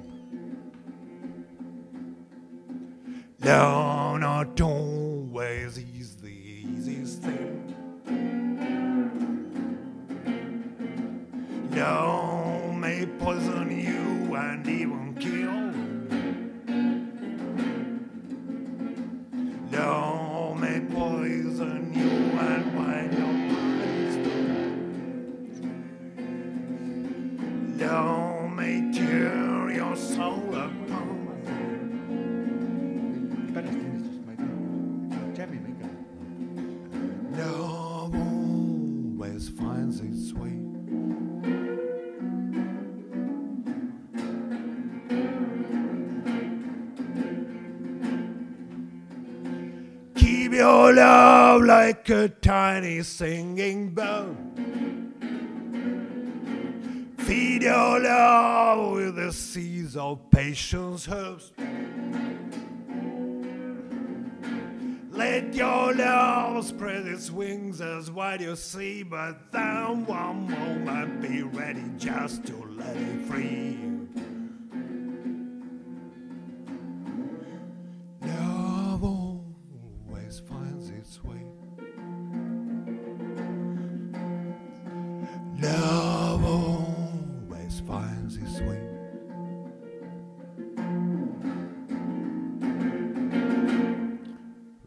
Hästi halvasti kukkus välja.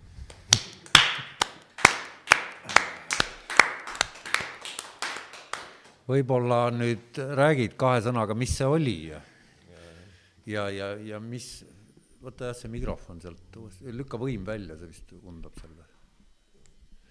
et, et äh, mis see oli ja mis pill ja, ja, ja ei, oli see, et, et ei oleks ikka vist tasunud rahva ette tulla, kui ikka ei oska. ei, pidi tulema, väga äge.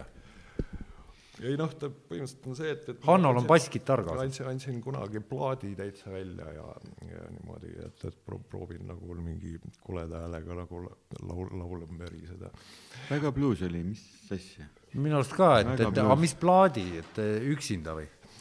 Jah, jah, vaata mul oli see lugu selle plaadi väljaandmisega oli ka see, et plaadi nimi oli lausa, ma ei tea, Forbidden to sing, et keelatud laulda. et, et kuna noh, niisugune eluaegne trauma koolis oli, ma olin klassis ainukene õpilane, keda laulukoori ei võetud, et, et inimene sai peaviisi saada. tuleb tuttav ette ja, ja ka igal pool meil, meil alati elu jooksul keelati ära olemast, et kurvitsed no ära laulavad, sa, sa lihtsalt ei oska. ja aga, aga ma olen siuke jonnakas inimene ja siis mõtlesin, et no mida, ma ikka laulan. võtsin, andsin plaadi välja ja kohe ikka laulja. ja ostsid Gibson Les Pauli? no lõpuks on jah, et, et noh, vaata siis sa hakkad, vaata alguses ma tegin kõik lood niimoodi ühes tuuris, see oli ka ühe tuuri lugu, see Def, aga, aga noh, hakkad nagu natuke huvi tundma rohkem muusika järgi, et mis tahaks elu lõpus nagu aru saada mingi vähemalt ühe asja, et, et mi, mis asi see muusika üldse on noh, siis nagu eks kitarr on niisugune hea, hea asi siis, kus nagu tutkida seda muusikat. no selge, arusaadav, et ja ma tean ka ühest teisest sinu ägedast hobist, aga enne ma tahaks teada, Hanno, sa tulid kit-, ka kitarriga, et mis suhe sul nüüd nende asjadega on um,? ma olen ise mõelnud selle peale, et mul on, on olnud pidevalt sama kogemus kui, kui Raulil, aga, aga teisest küljest ma mõtlen, et et mul on nagu pinginaaber, kes on ooperilaulja, ma, ma ooperilaulu magister ja kui ma hakkan mõtlema, et ma olen ka kuskil perekonnas ikka klaveri all üles kasvanud, et et äh, suhe on ka niisugune natuke nurgas seisva koolilapse oma, et tahaks õudselt võib-olla hoopiski väljas suusatada, aga ikka oled nurgas kogu aeg. ja võib-olla sealt nurgast kõlabki mingisugune teistsugune hääl, teistsugune tämber, see selleks, see on nagu noh, nagu muude asjadega, ma arvan, et, et me oleme Rauliga nõus, et ideoloogiad lähevad koledaks siis, kui nad äh, tahavad sulle pidevalt nagu näpuga midagi näidata, et ära tee nii, ära tee naa. ja mina elu juhus või sattumus mängis mulle öö, äh, sügisel kätte võimaluse ka hakata basskitarri proovima ja, ja see on minu jaoks tegelikult midagi, mida ma sünesteetilisel või, või erinevaid tajusid kombineerival viisil, ma, ma, ma häälestan ennast maalima seda tehes. noh, Raulil on maalimisega pikemad suhted, aga aga võib-olla noh, maalimine on, on, on sedavõrd meeleline tegevus ja, ja õnneks noh, on ju otseselt paralleelne, kromaatilised skaalad värvuses ja kromaatilised skaalad helistikes, et et, et mulle meeldib selle asja meeleline pool, jah. No mulle jälle meeldib tegeleda asjadega, mida ma päris hästi ei oska, et, et see ongi see, et, et noh, ma maalida Sama ma juba oskan juba, juba noh, häir-, häir-, häirivalt juba oskan. häirivalt oskad? jah, ja siis noh, mind erutavad sellised asjad, mida noh, kus ma veel okei okay,, me jõuamegi nüüd erutava asjani, et ma mäletan paar aastat tagasi ma kohtasin sind tänaval, kui sa olid silmad pahempidi ja teatasid, et margid vipaplokk ja, ja, nii edasi, et kuidas sellega läheb? oi, sellega on väga hästi, et, et nüüd no, kaks aastat ma olen täie, täiesti, täiesti maniakaalselt tegelenud filateeliaga jah, ja ja noh, näiteks no Eesti, Eesti rahvas jah, tähendab, mul on Eesti kogu peaaegu et täielik, mul on puudu ainult see, noh, need selle esimese, noh, need Tsaari üle trükid ja rariteedid, mis on üks neist on näiteks, võiks olla maailma kallimaid marke. oota, täpsusta, tähendab. Äh, noh, tähendab, see on niisugune Eesti marke ja va, esimese vabariigi aegseid Eesti marke on eriti tore koguda, kuna neid on, noh, neid ei ole väga palju. kui palju neid on? kas see oli vist sada viiskümmend kuus vist noh, konkreetselt jah, kõigest sada viiskümmend kuus marki aga, aga noh, see on niisugune väga nüansikas, sinna, sinna juurde tulevad tegelikult näiteks okupatsiooniaegsed Elva ületrükid näiteks. enne kui sa nüüd hoogu väga lähed, ma küsin selle küsimuse ära, et miks? miks ma Mark Jagu? üldse, jah no,, keegi nagu võib-olla niisugune asi, et äkki noh, ma olen eluaeg nagu kunsti teinud niimoodi kakskümmend neli tundi ööpäevas, nii et ma ei, ma ei tea, noh, kus lõpeb vaba aeg, kus algab uneaeg, no see on kõik täis kunsti tegemine. ja siis mul mingi hetk hakkas tunduma, et, et kas ma ikka, ma ikka vist elan valesti, et äkki peaks nagu ikkagi tegema mingisuguse eritluse, et on, et on töö ja hobid ja ja siis ma mõtlesin, et, et võtaks midagi something completely different, millel ei ole kunstiga mitte mingit pistmist. noh, näiteks kui noh. nagu margid. no jaa, vaata, vaata kui muusika teed, sellel ikka on ja kunstiga pistmist, ikka õpetan koolis. oota, ma, ma nüüd pean segama vahele, margid on ju noh, vaadeldavat kunsti. no nad on nagu artefaktid jah, aga noh, margi Need on ju, kunstnik on need teinud. see on nagu noh, olemuslikult on ikka hoopis muu asi kui kunst, noh. tähendab, seal on ikka see, mis maksab, on seesama, mis sa kunagi rääkisid, kõige kallim mark maailmas on see ruutsentimeetrine ühepennine mingi vildikaga joonistatud. kõige sürrim, maailma kõige kallim mark on, et noh, niisugust suurusjärgi erakordselt inetu paberitükk, kus ei ole praktiliselt mitte midagi peal noh, teda nagu Inglise kuninganna pilt, aga ta on nii tumedaks läinud, et seal ei ole nagu näha ja siis on nagu kaheksa nurka on noh, no nurgad nagu maha ja, ja see maksab üheksa koma kuus miljonit dollarit. no nii, jõuame nüüd siis väga huvitavasse kohta välja, et maksab üheksa koma kuus miljonit. no ütleme, selle hinnaga noh, päris hea kunstniku maali vist saab päris suure ka, niisuguse, katab suure osa tapeedist ära. et, et kus see nüüd siis kõik nüüd tekib. et hiljuti ma lugesin ühte artiklit, seal oli niisugune eh, äpp nagu Magnus, ma tõmbasin selle omal ka telefoni, mis on niimoodi, et sa vaatad mingit maali ja siis eh, nagu niisuguse ruudu sisse sätid selle maali nagu QR koodi lugeja umbes samal printsiibil ja siis ta ütleb kohe, mis maal see on, kes joonistas, kus äh, kunstisaalis asub, palju maksab või, või kogu niisugune info. ja selle äpi põhjal uuriti, et kuidas kunst saab omale hinna et mis tähe-, et kuidas tekib selline olukord, et mingi vend, kes lätserdab midagi, ükskõik mida, ja ühel päeval see asi maksab nii palju, nagu maksab. ja seal olid ka nimelised näited ja, ja see põhjused ja, ja see ikka seisneb selles, et kui mingi Saatchi galerii otsustab panna kellegi pildi ülesse, riputab sinna lipiku külge, siis see ongi hind see oli, see oli nagu järeldus. me, me leppisime saate alguses kokku, et me kunstist eriti ei räägi. ei, me ei räägi kunstist praegu, me räägime rahast. no äkki no vaata, raha kogumisega on nagu margi kogumisega, et see on teatavat laadi niisugune nagu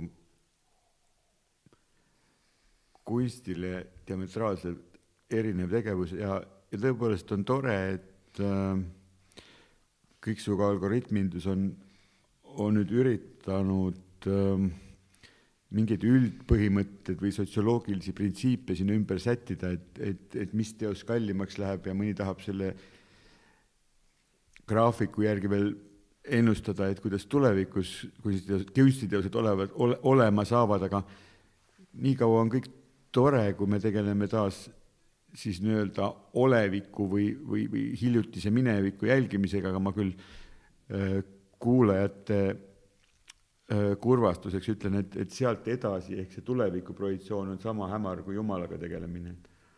et, et äh, see, et miks näiteks mingi juhuslik noh, et, et kunstiajaloos on hea öelda, et no Mona Lisa, mis, mis ja kui hinnatud, et, et veel enne aastat tuhat üheksasada kolmteist, kui Mona Lisa viieks aastaks ära varastati, ei pööratud sellele sajandeid mingit tähelepanu, see oli täiesti marginaalne. Äh,, marginaalne Leonardo teos, Leonardo muidugi oli, oli väga oluline ja on ka tulevikus väga oluline tänu oma, oma tehnika, tehnoloogia ja äh, ja, ja, ja, ja kujutluse sünkroniseeritud absoluutsele perfektsusele, aga, aga see ei olnud vaat see Mona Lisa, mille järgi nüüd kilekotte tehakse, mille järgi nüüd eh, jaapanlased joonduvad. ja, ja nii see saab olema tulevikus, et, et, et tuleb juhus ja teeb asju ja nii see hind sünnib. no tegelikult ei ole mitte mingisugust ratsionaalset põhjust, et miks just see Mona Lisa teos, aga no ütleme, filatelistina, seda ma tean nüüd küll ja, ja võin rääkida, et miks just see mark on maailma kõige kallim mark, et see, see on ka väga juhuslik iseenesest lugu et mingil tuhande üheksasaja üheksakümne teisel aastal ta ei olnud veel sugugi maailma kõige kallim mark, aga juhtus niimoodi, et oksjonil ta müüdi ära üheksasaja üheksakümne üheksa tuhande üheksakümne üheksa eurist üks, üks või selle dollari eest ja üks noh, üks ekstsentric ostis selle ära. aga juhtus niimoodi, et eks tal vist juba siis natukene katus sõitis, ega ta vist muidu ka poleks ostnud, aga mingi paar kuud hiljem juhtus niimoodi, et ta tappis ära kellegi kuulsa tegelase mingi pruudi, noh umbes nagu Tarantino pruudi ja, ja, ja sai eluaegse vanglakaristuse.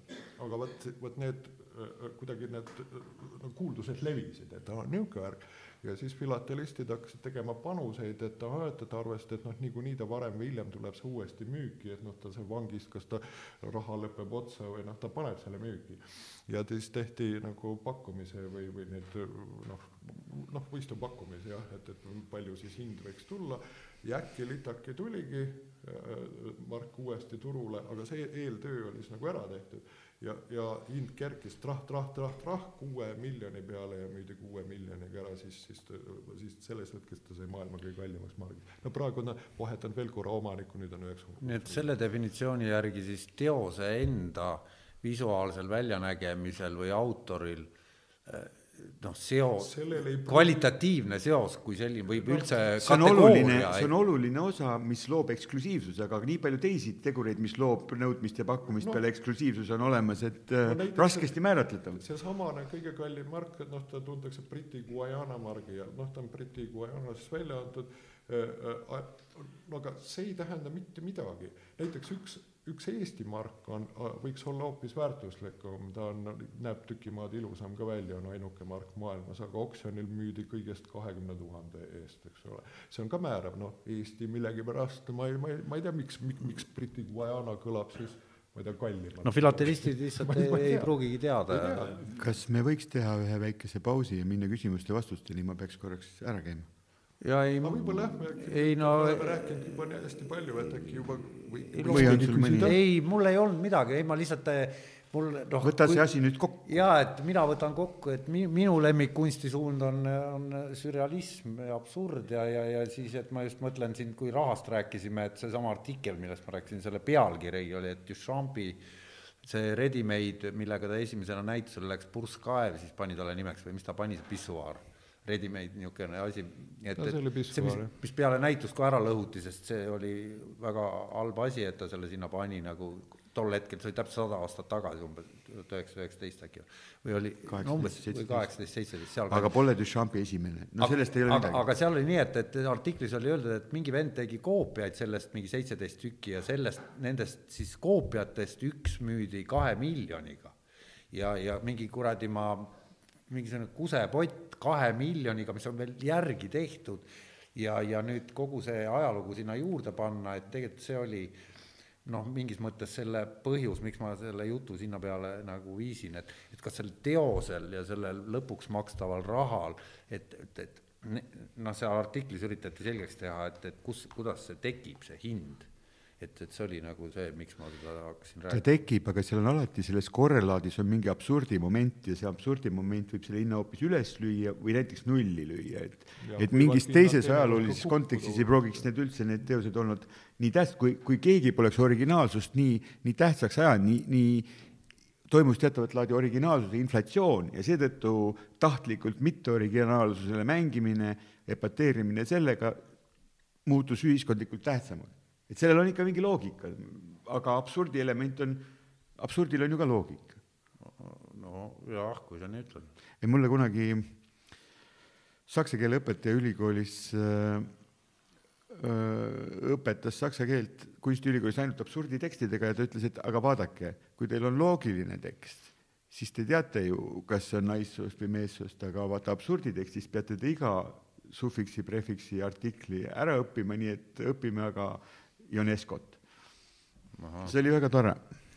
okei okay,, aga lähme siis jah, et eh, sa tahtsid. Lähme pausile. ei, mitte pausi, pausi ei tule, aga, aga et, et, et kas see, et nüüd need jah, kõikvõimalikud teemad on läbi käinud, et, et kas on küsimusi saalirahval? et seal on mikrofon kuskil seal tooli peal et siin meil oli postmodernistlikud filosoofid ja, ja mis kõikvõimalikud. no Hardol on kindlasti mõni põnev küsimus korraks. oota, aga võta see mikrofon ka, kui sa mõtled. ei no, aga siis, äh, mis me siis teeme nüüd? nojah, okei okay,, et ootame ära, aga siis Raul, et meie veel saame nii kaua arutada seda teemat, et et me tegime kunagi, tegime koos ühe performance'i, mäletad mm, -hmm. kus me valgusfoori ära värvisime oo oh,, jaa, jaa et kas sa ikka teed veel performance'e teed, ma tahtsin küsida? ei, noh, see niisugune nagu noorpõlve lõbu nagu rohkem, aga muuseas see valgusfoori värvimine, noh, see oli, see nüüd läheb nagu niisugusesse põnevasse valdkonda, mm, mida on nagu vähe uuritud, teadvustatud, kommertsperformance. Et, et too aeg mm, sai noh, sai tehtud just nimelt erinevate firmade ja asutuste kampaaniate tellimustel siis noh, nagu performance tellimustöödena see on midagi analoogset, noh, nagu kui bänd noh, teeb oma, oma mingit suurt kunsti, aga aeg-ajalt käib, käivad noh, ma ei tea, pulmas esinemas või, või noh, mingid, mida me haltuuraks nagu nimetati vist. et, et see on nagu niisugune performance'i kummaline alalik, et kes oleks võinud küll varastel üheksakümnendatel või, või kaheksakümnendatel ette kujutada, et, et noh, performance nii radikaalse žanrina muutub noh, nüüd äkki selliseks asjaks. et sai konkreetselt raha teenitud sellest ühtlasi, ühtlasi selle raha eest siis ära finantseeritud hoopis teisi projekte ja, ja suuremaid asju.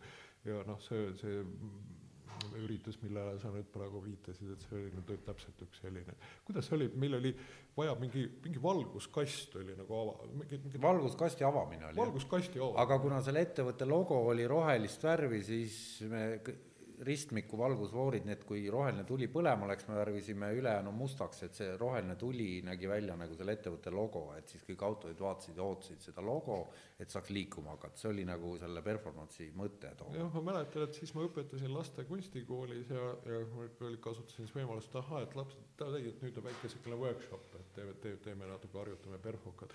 ja siis, mis me siis nüüd tegime, käisime selle, mida seda ristmikku muudkui see loosung edasi või käes edasi, aga see oli vist no üldiselt me tegime välk, välkvärvimise, et mitte politseile vahele jääda, siis jooksime ka ruttu minema. et ega meil seal pikka miitingut ei olnud, värvisime need asjad ära, mingid õrstid olid ja mingi rongkäik ja redelid ja. jube kõle ilm oli november, hilisnovember oli seal õrstidega juures. aga noh, nüüd me läheme heietustesse vajume, et kas meil on midagi veel äh, niisugust?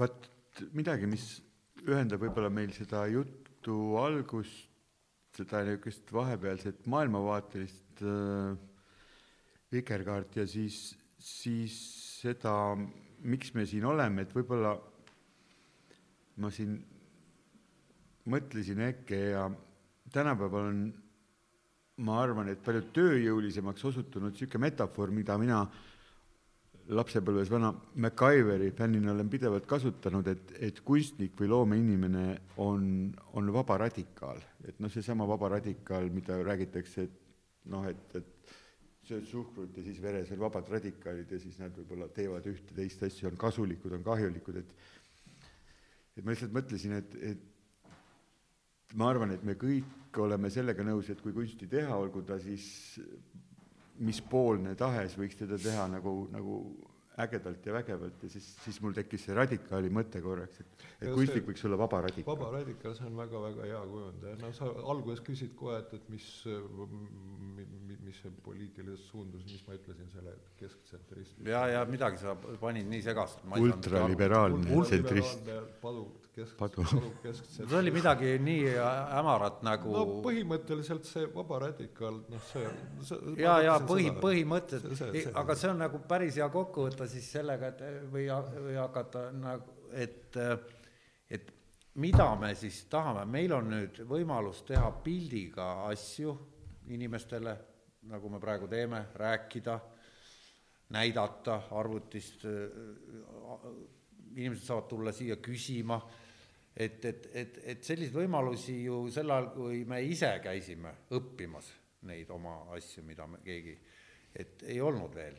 Et, et kui nüüd vaadelda seda, mis toimub auditooriumides ülikoolides, millest meil vahepeal jutt käis kus äh, mina väitsin, et, et ma olen kuulnud, noh, mis on tõsi, et ma olen kuulnud erinevatest jutusaadetest, et toimub mingisugune niisugune noh, postmodernistlik, marksistlik ajupesu nagu ma, mis noh, muidugi on kallutatud mõte, sest et noh, kõik nii ei räägi. aga nüüd, et mida teie arvate, mida sellise formaadiga nüüd, nagu me siin istume, nüüd äh, lähemegi lahtise tekstiga siit, tõmbamegi neid asju kokku, et, et mille, meil on nüüd võimalik teha üleskutse. mina olen eluaeg tahtnud teha midagi, mis asi oleks, mille asja nimi oleks teooriateater. et selles mõttes, et, et ähm, ma arvan, et just niisuguse avaliku esinemise vormil on meeldivalt tasakaalustatud mm, parameetrid, et äh, meie, kes me räägime, peame pärast minema tänavale tagasi ja vastutama oma sõnade eest ja samas annab see ka selle väikse särtsu, mis meid võib-olla käivitab, et vaevalt me äh, Kuku klubis sama juttu sama kaua, sama intensiivsusega ajaksime, kui, kui niimoodi muuseas, selle see on, noh, on, on täitsa olemasolev niisugune žanr, kõige õiget nimetust tal ei ole, et noh, midagi sellist nagu teoreetiline teater või teo-, teoreetiline performance. Või näiteks ma olen ise andnud sellise performatiivse loengu näiteks Linzis äh, Austria, Austrias et oli ka, oli ka selline seminar, niisugune teoreetiline üritus, mis väga soosis ka sellise, sellist sorti etteasteid, seal olid ka mõned teised niisugused kunstipärasemad. aga ma pidasin loengu valgusest ja valguse filosoofiast ja lõpetasin siis selle taaskord ühe lauluesitusega, noh, seda Darkness, Darknessi esitasin performatiivselt et, et noh, ühesõnaga siis asja kokkuvõtteks, et noh, see asja siis niisugune žanr või vorm oligi noh, performatiivne, tegelikult täiesti tõsi teoreetiline loeng. teiselt poolt on ju antropoloogias äh, või, või noh, teistes inimteadustes äh, just nagu viimase viiekümne aasta jooksul selgeks saanud, et, et ka, ka loengu andmine või ka teater on, on kui niimoodi argitasandil võtta rituaalina võrdsustatav, no ma ei tea, poes sabas seismise või, või teiste ühiskondlike äh, kohustustega, et nad on, nad on noh, nad võivad olla erilised momendid, aga nad võivad ka olla väga argised momendid, et, et et teatri üks pool on see, et laval toimub midagi ägedat, aga teatri teine pool on see, mida ma armastan kogu aeg näitena tuua, et äh, see on üks asi, mis toimub Mustas saalis äh, valdavalt algusega kell seitse ja lõpeb plaksutusega.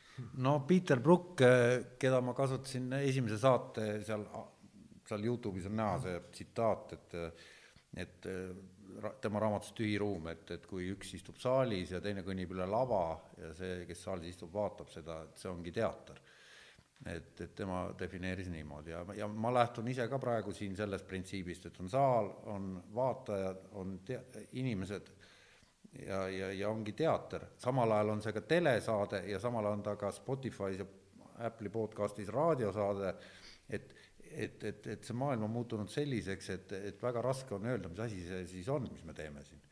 et, et, et sealt ka minul see, et see on hea märk et, et, et, et see, et järgmine nädal on jälle, aga keegi ei tea täpselt, mis ja kes ja millest, et see ongi nagu asja mõte või? ja mulle hirmsasti meeldib see formaat ja ma hoian väga pöialt, et, et, et sul edasi see asi jookseks hästi, et mind näiteks erutab väga see mõte, et et noh, väga masendav on vaadata ümberringi, kuivõrd noh, eeter, inimeste teadvused on ülekoormatud sellest poliitikast permanentselt, noh ainult mingi poliitika, no ja siis on mingi ilu tegemine ka, eks ole, aga, aga, aga inimesed, ma usun, tunnevad huvi niisuguste noh, teoreetiliste küsimuste järgi, noh, vaimsuse te teemade, teoreetiliste teemade, aga teoreetiliste teemade käsitlustel on ju see häda, et, et tavaliselt kipub see surm igavaks kätte, noh, see hakkab niisugune, hakkab niisugune teoreetiline jutt ja noh, sul lihtsalt uni peale, seda ei saa vaadata et, et väga teretulnud on just niisugune performatiivne või ma ei tea, teat-, teaterlik. no aga siis kutsumegi nagu üles inimesi tulema Facebookist siis ja veetma oma aega siin Vabriku tänava seminaris. absoluutselt. ja, ja, ja võtma osa aktiivselt, osa, osalema küsijatena ja, ja, ja ka miks mitte vestlusena, et siin saab ju mikrofon on saalis ka olemas. on võimalus arutada, no. ja pi-, ajapiirangut ka ei ole ja nii et noh, et selles mõttes et, et tõukame edasi seda, seda asja nagu. oleks või? mul on selle kohta üks, üks lemmiknäide, Jaan Undus, kes on mul üks lemmikkirjanik ja samas Eestis enamasti tuntud kirjandusteadlasena, tema ka. ja nüüd ma pöördun selle osa publiku poole, kes on juba magama jäänud, et tema ka sai oma eluvõimaluse siis äh, ühe võtme postmodernisti, ühe, ühe võtme poststrukturalisti äh, loengule minna, kes oli tema suur juht ja õpetaja, Jacques Derrida loengule Helsingisse, ta oli välja valitud viiesaja inimese hulka, kes said kuulata seda loengut otse loengusaalis ja siis oli veel kaks tuhat, kellele seda siis videos screen iti, äh, viissada olid need valitud teadlased, ülejäänud olid piletid müüdud ja ta, ta on, ta on seal siis saalis ja ta kuulab ja kuulab, ta, tal on nagu see tunne, et ta on nüüd jõudnud ometi kohale, aga samas tundub, et ta, talle endale tundub, et ta hakkab magama jääma. ja, ja siis, ja, ja siis ta, ja siis ta kirjutab see. seda, kuidas tal unenägu läheb segamini selle elu kõige suurema sündmusega ja, ja, ja nii see paraku võib ka olla, nii et ei tea. ei tea. mis läheb alateadvusse ja mis läheb mitteteadvusse ja mis ah. läheb teadvusse. no ja ongi ja, ja, ja, ja, ja minule meeldib see, et me siin ei anna garantiisid me, me. mulle ka sobib. me, meie anname võimaluse, noh, et, et on selline kanal, mida on võimalik vaadata ja kuulata. me ei luba midagi. sellega ma olen nõus, me ei luba midagi. mina samal ajal ma soovin selle sinu sellele formaadile helget. ma usun ja, ja me, me näeme veel kindlasti ja, ja väga erinevad. tänan. ja vaatame, mis, vaatame, mis saab ja, ja, ja inimesed, et kommenteerige, tulge kuulama ja, ja osalema. et ja aitäh kõigile. aitäh. küsimusi ei küsita? ei no, aa, et küsimusi, aa, sul nüüd tekkis ma siis küsiks ühe. oota, kas meil on no, veel no,, no. oleme eetris veel või? aa, siis muidugi. et äh, võib-olla kõigilt kolmelt teilt, et äh, viimaselt ajalt ise defineerige see viimane aeg.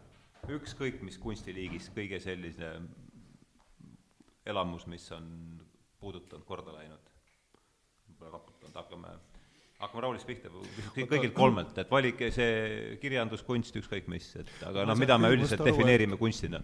et kas sa küsid, et defineerige viimane aeg või? defineerige see ise enda jaoks ilmselt mitte lapsepõlv siis.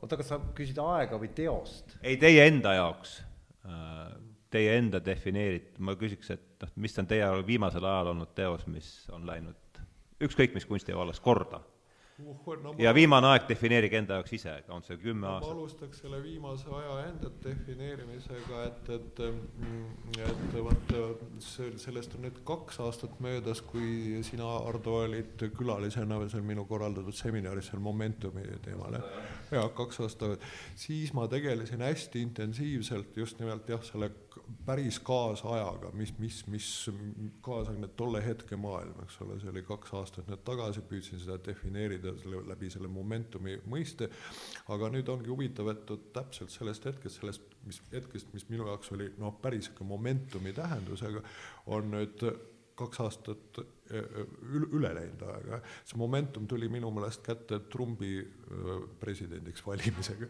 mis, mis läbi mul kadus ka ära igasugune huvi ja järgmise aasta, järgmine aasta ma ei teinud telekat lahti ega lugenud ühtegi ajakirjat, eks. no nüüd oleme nüüd kaks aastat hiljem, ma vaatan nüüd tagasi seda kahte aastat ja just nimelt see kaks aastat ongi minu jaoks nüüd, nüüd see viimane aeg. Ja noh, nüüd võib küsida, et noh, mis nüüd sellel viimasel ajal siis nüüd nagu juhtus kunstis või kirjanduses midagi no ma ei tea, ma jään vastuse võlgu, mul on mõned projektid, mida ma veel ei näita rahvale ja no ühesõnaga ette, ma vaatan teised kunstnikud ka ümberringi, et ma, ma ei näe tegelikult mingisuguseid niisuguseid säravaid etteasteid, aga, aga on mingi ootus, ärevus, mingid ateljeedes midagi nahistatakse, midagi tehakse ja küll siit juba tuleb ja ma vastaks niimoodi.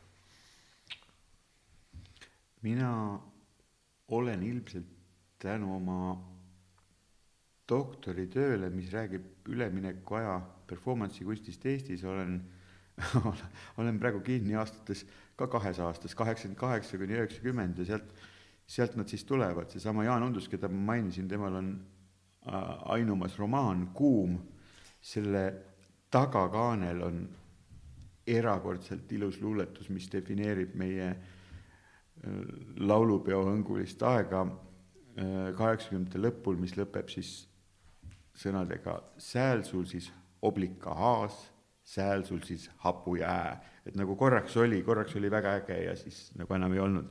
ja sinna kõrvale ulatub mul kuskilt tänu sellele, et ma olen ka kooliga seotult tegelenud viimasel ajal Soome nüüdiskultuuriga, siis ma äratasin enda jaoks ellu äh, kaheksakümne üheksandal aastal Hüvinkääl alustanud Soome räppbändi Raptori, mille sõnad mul kõik peas on, nii palju kui neid on tehtud, äratasin ellu ja vaat kuskil seal sellise elitaarse luure ja Soome räpi vahel ma siis nüüd penseldan hetkel.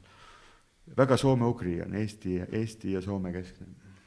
no ma, mina siis äh, nimetaksin, ma oleks kirjandus, et jah et äh, ma avastasin niisuguse kirjaniku nagu Mikk Herron eelmisel aastal, kes on, tuleb välja uue põlvkonna Le Carre ehk siis spioonikirjanduse absoluutne tipp on Le Carre ja nüüd on ilmunud välja noor, noh, suhteliselt noor siis, uus kirjanik, kes on kirjutanud noh, ütleme ühest sarjast, Jackson Lambi sarjast viis raamatut ja ma lugesin need kõik väga suure huviga läbi, kuna mina olen paadunud niisugune Ladlumi ja no ühesõnaga sellist äh, jah, mitte kriminullid, aga just nimelt niisuguse põnevikud põ,. põnevikud, kus on peategelaseks on mingisugune niisugune kaval, kaval pea, mitte päris James Bondid mulle ka väga meeldivad, aga aga Mikk Herron kirjutab nagu tõsiselt hästi ja, ja üks raamat on ka eesti keelde tõlgitud, aga üldiselt jah, et et, et, et on hea meel, sellepärast et et ma olen ikka mitukümmend aastat neid lugenud ja, ja, ja pole uut, uusi senimaani väga peale tulnud. et soovitan kõigile ja olen ise vaimustuses, et niisugune asi, selline vastus. aga ma, ma võin öelda, mul poeg tegeleb väga tõsise asjaga, et ta sõpradega, sõpradega teevad, noh, see on ka ühtlasi äriprojekt, nad teevad hiiglasuurt arvutimängu, eks ole aga mis on nüüd nagu selle asja point, et vot seal ma näen vot selles žanris midagi eriti futuristlikku. Äh, noh, me võime mõelda, et noh, arvutimäng, et noh, see, on mingi, noh, see on mingi naljaasi, see ei ole nagu tõsiasi.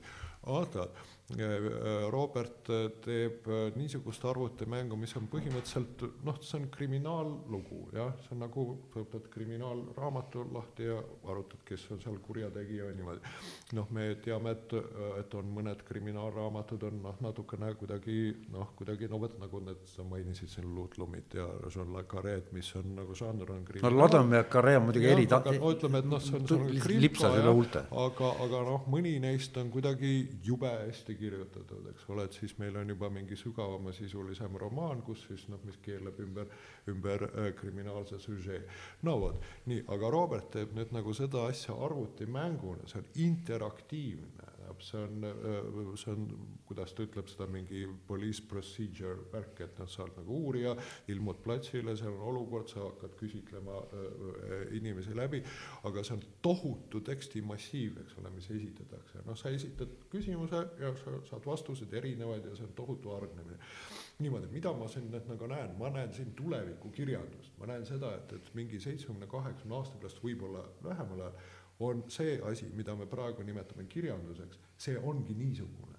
sa lähed arvutisse sisse, see on nagu noh, interaktiivse mängu äh, nagu vormis või noh, me ütleme tinglikult mängu, aga see ei ole ammu enam mäng no,. see on huvitav selles mõttes, et kui kahe tuhandenda alguses räägiti no siis tehnoloogia inimeste poolt äh, interaktiivselt narratiivsest kinost, siis see väljund ei ole tulnud kinost, vaid, vaid just arvutimängudes, nüüd see on tekkimas, et see on, see on tõesti huvitav. ma olen isegi ühte filmi näinud, millel on sada lõpp, mitte sada, aga mitu erinevat lõppu, mida ja, saab, äh, Netflix tegi selle vist.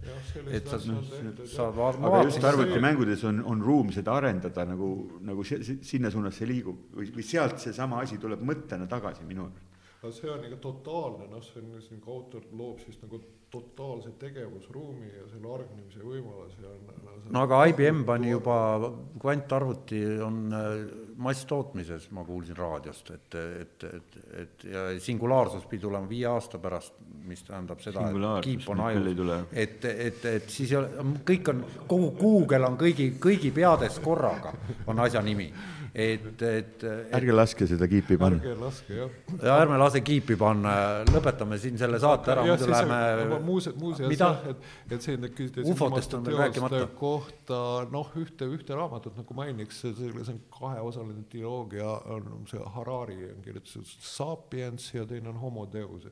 Sapiens on eesti keeles ilmunud. ma soovitaks, kes huvi, huvi tunnevad, lugeda läbi ka see Homo Deus, et see on üks eriti, eriti nüüd ütleme aga see on tegelikult hea, päevakohane peaks futuristlik asi. kõik iga kord saate lõpetama soovitustega, et see on selline, seda tehakse palju, aga see on jube hea asi. et ja, et, et, et mis on, et, et mina ütlesin ära, Mikk Herron tõesti ühest aitab, väga soovitan spioonikirjanduse huvilistele, Harari Homo Deus jah. Hanno, ma arvan, et minu sellised see ei pea olema Filos- lugemissoovitus, see võib olla ei, ma saan aru, aga ma jäi nagu enne ütlemata, et äh, möödunud aasta kuidagi filosoofia või, või teooriaraamatute puhul ma mainiksin Steven Pinkeri Enlightenment Now, mis on mind, mind äh, kõnetanud ja, ja mida ma nagu huviga isegi mitu korda lugesin, et see on minu soovitus. Ja Steven Pinkerit äh, saab ka Youtube'is kuulata mi- päris mitmel moel, et ta on ikka hästi huvitav mees. et kas Aitäh. Nüüd on kõik? no siis nägemiseni. feel the wind is flying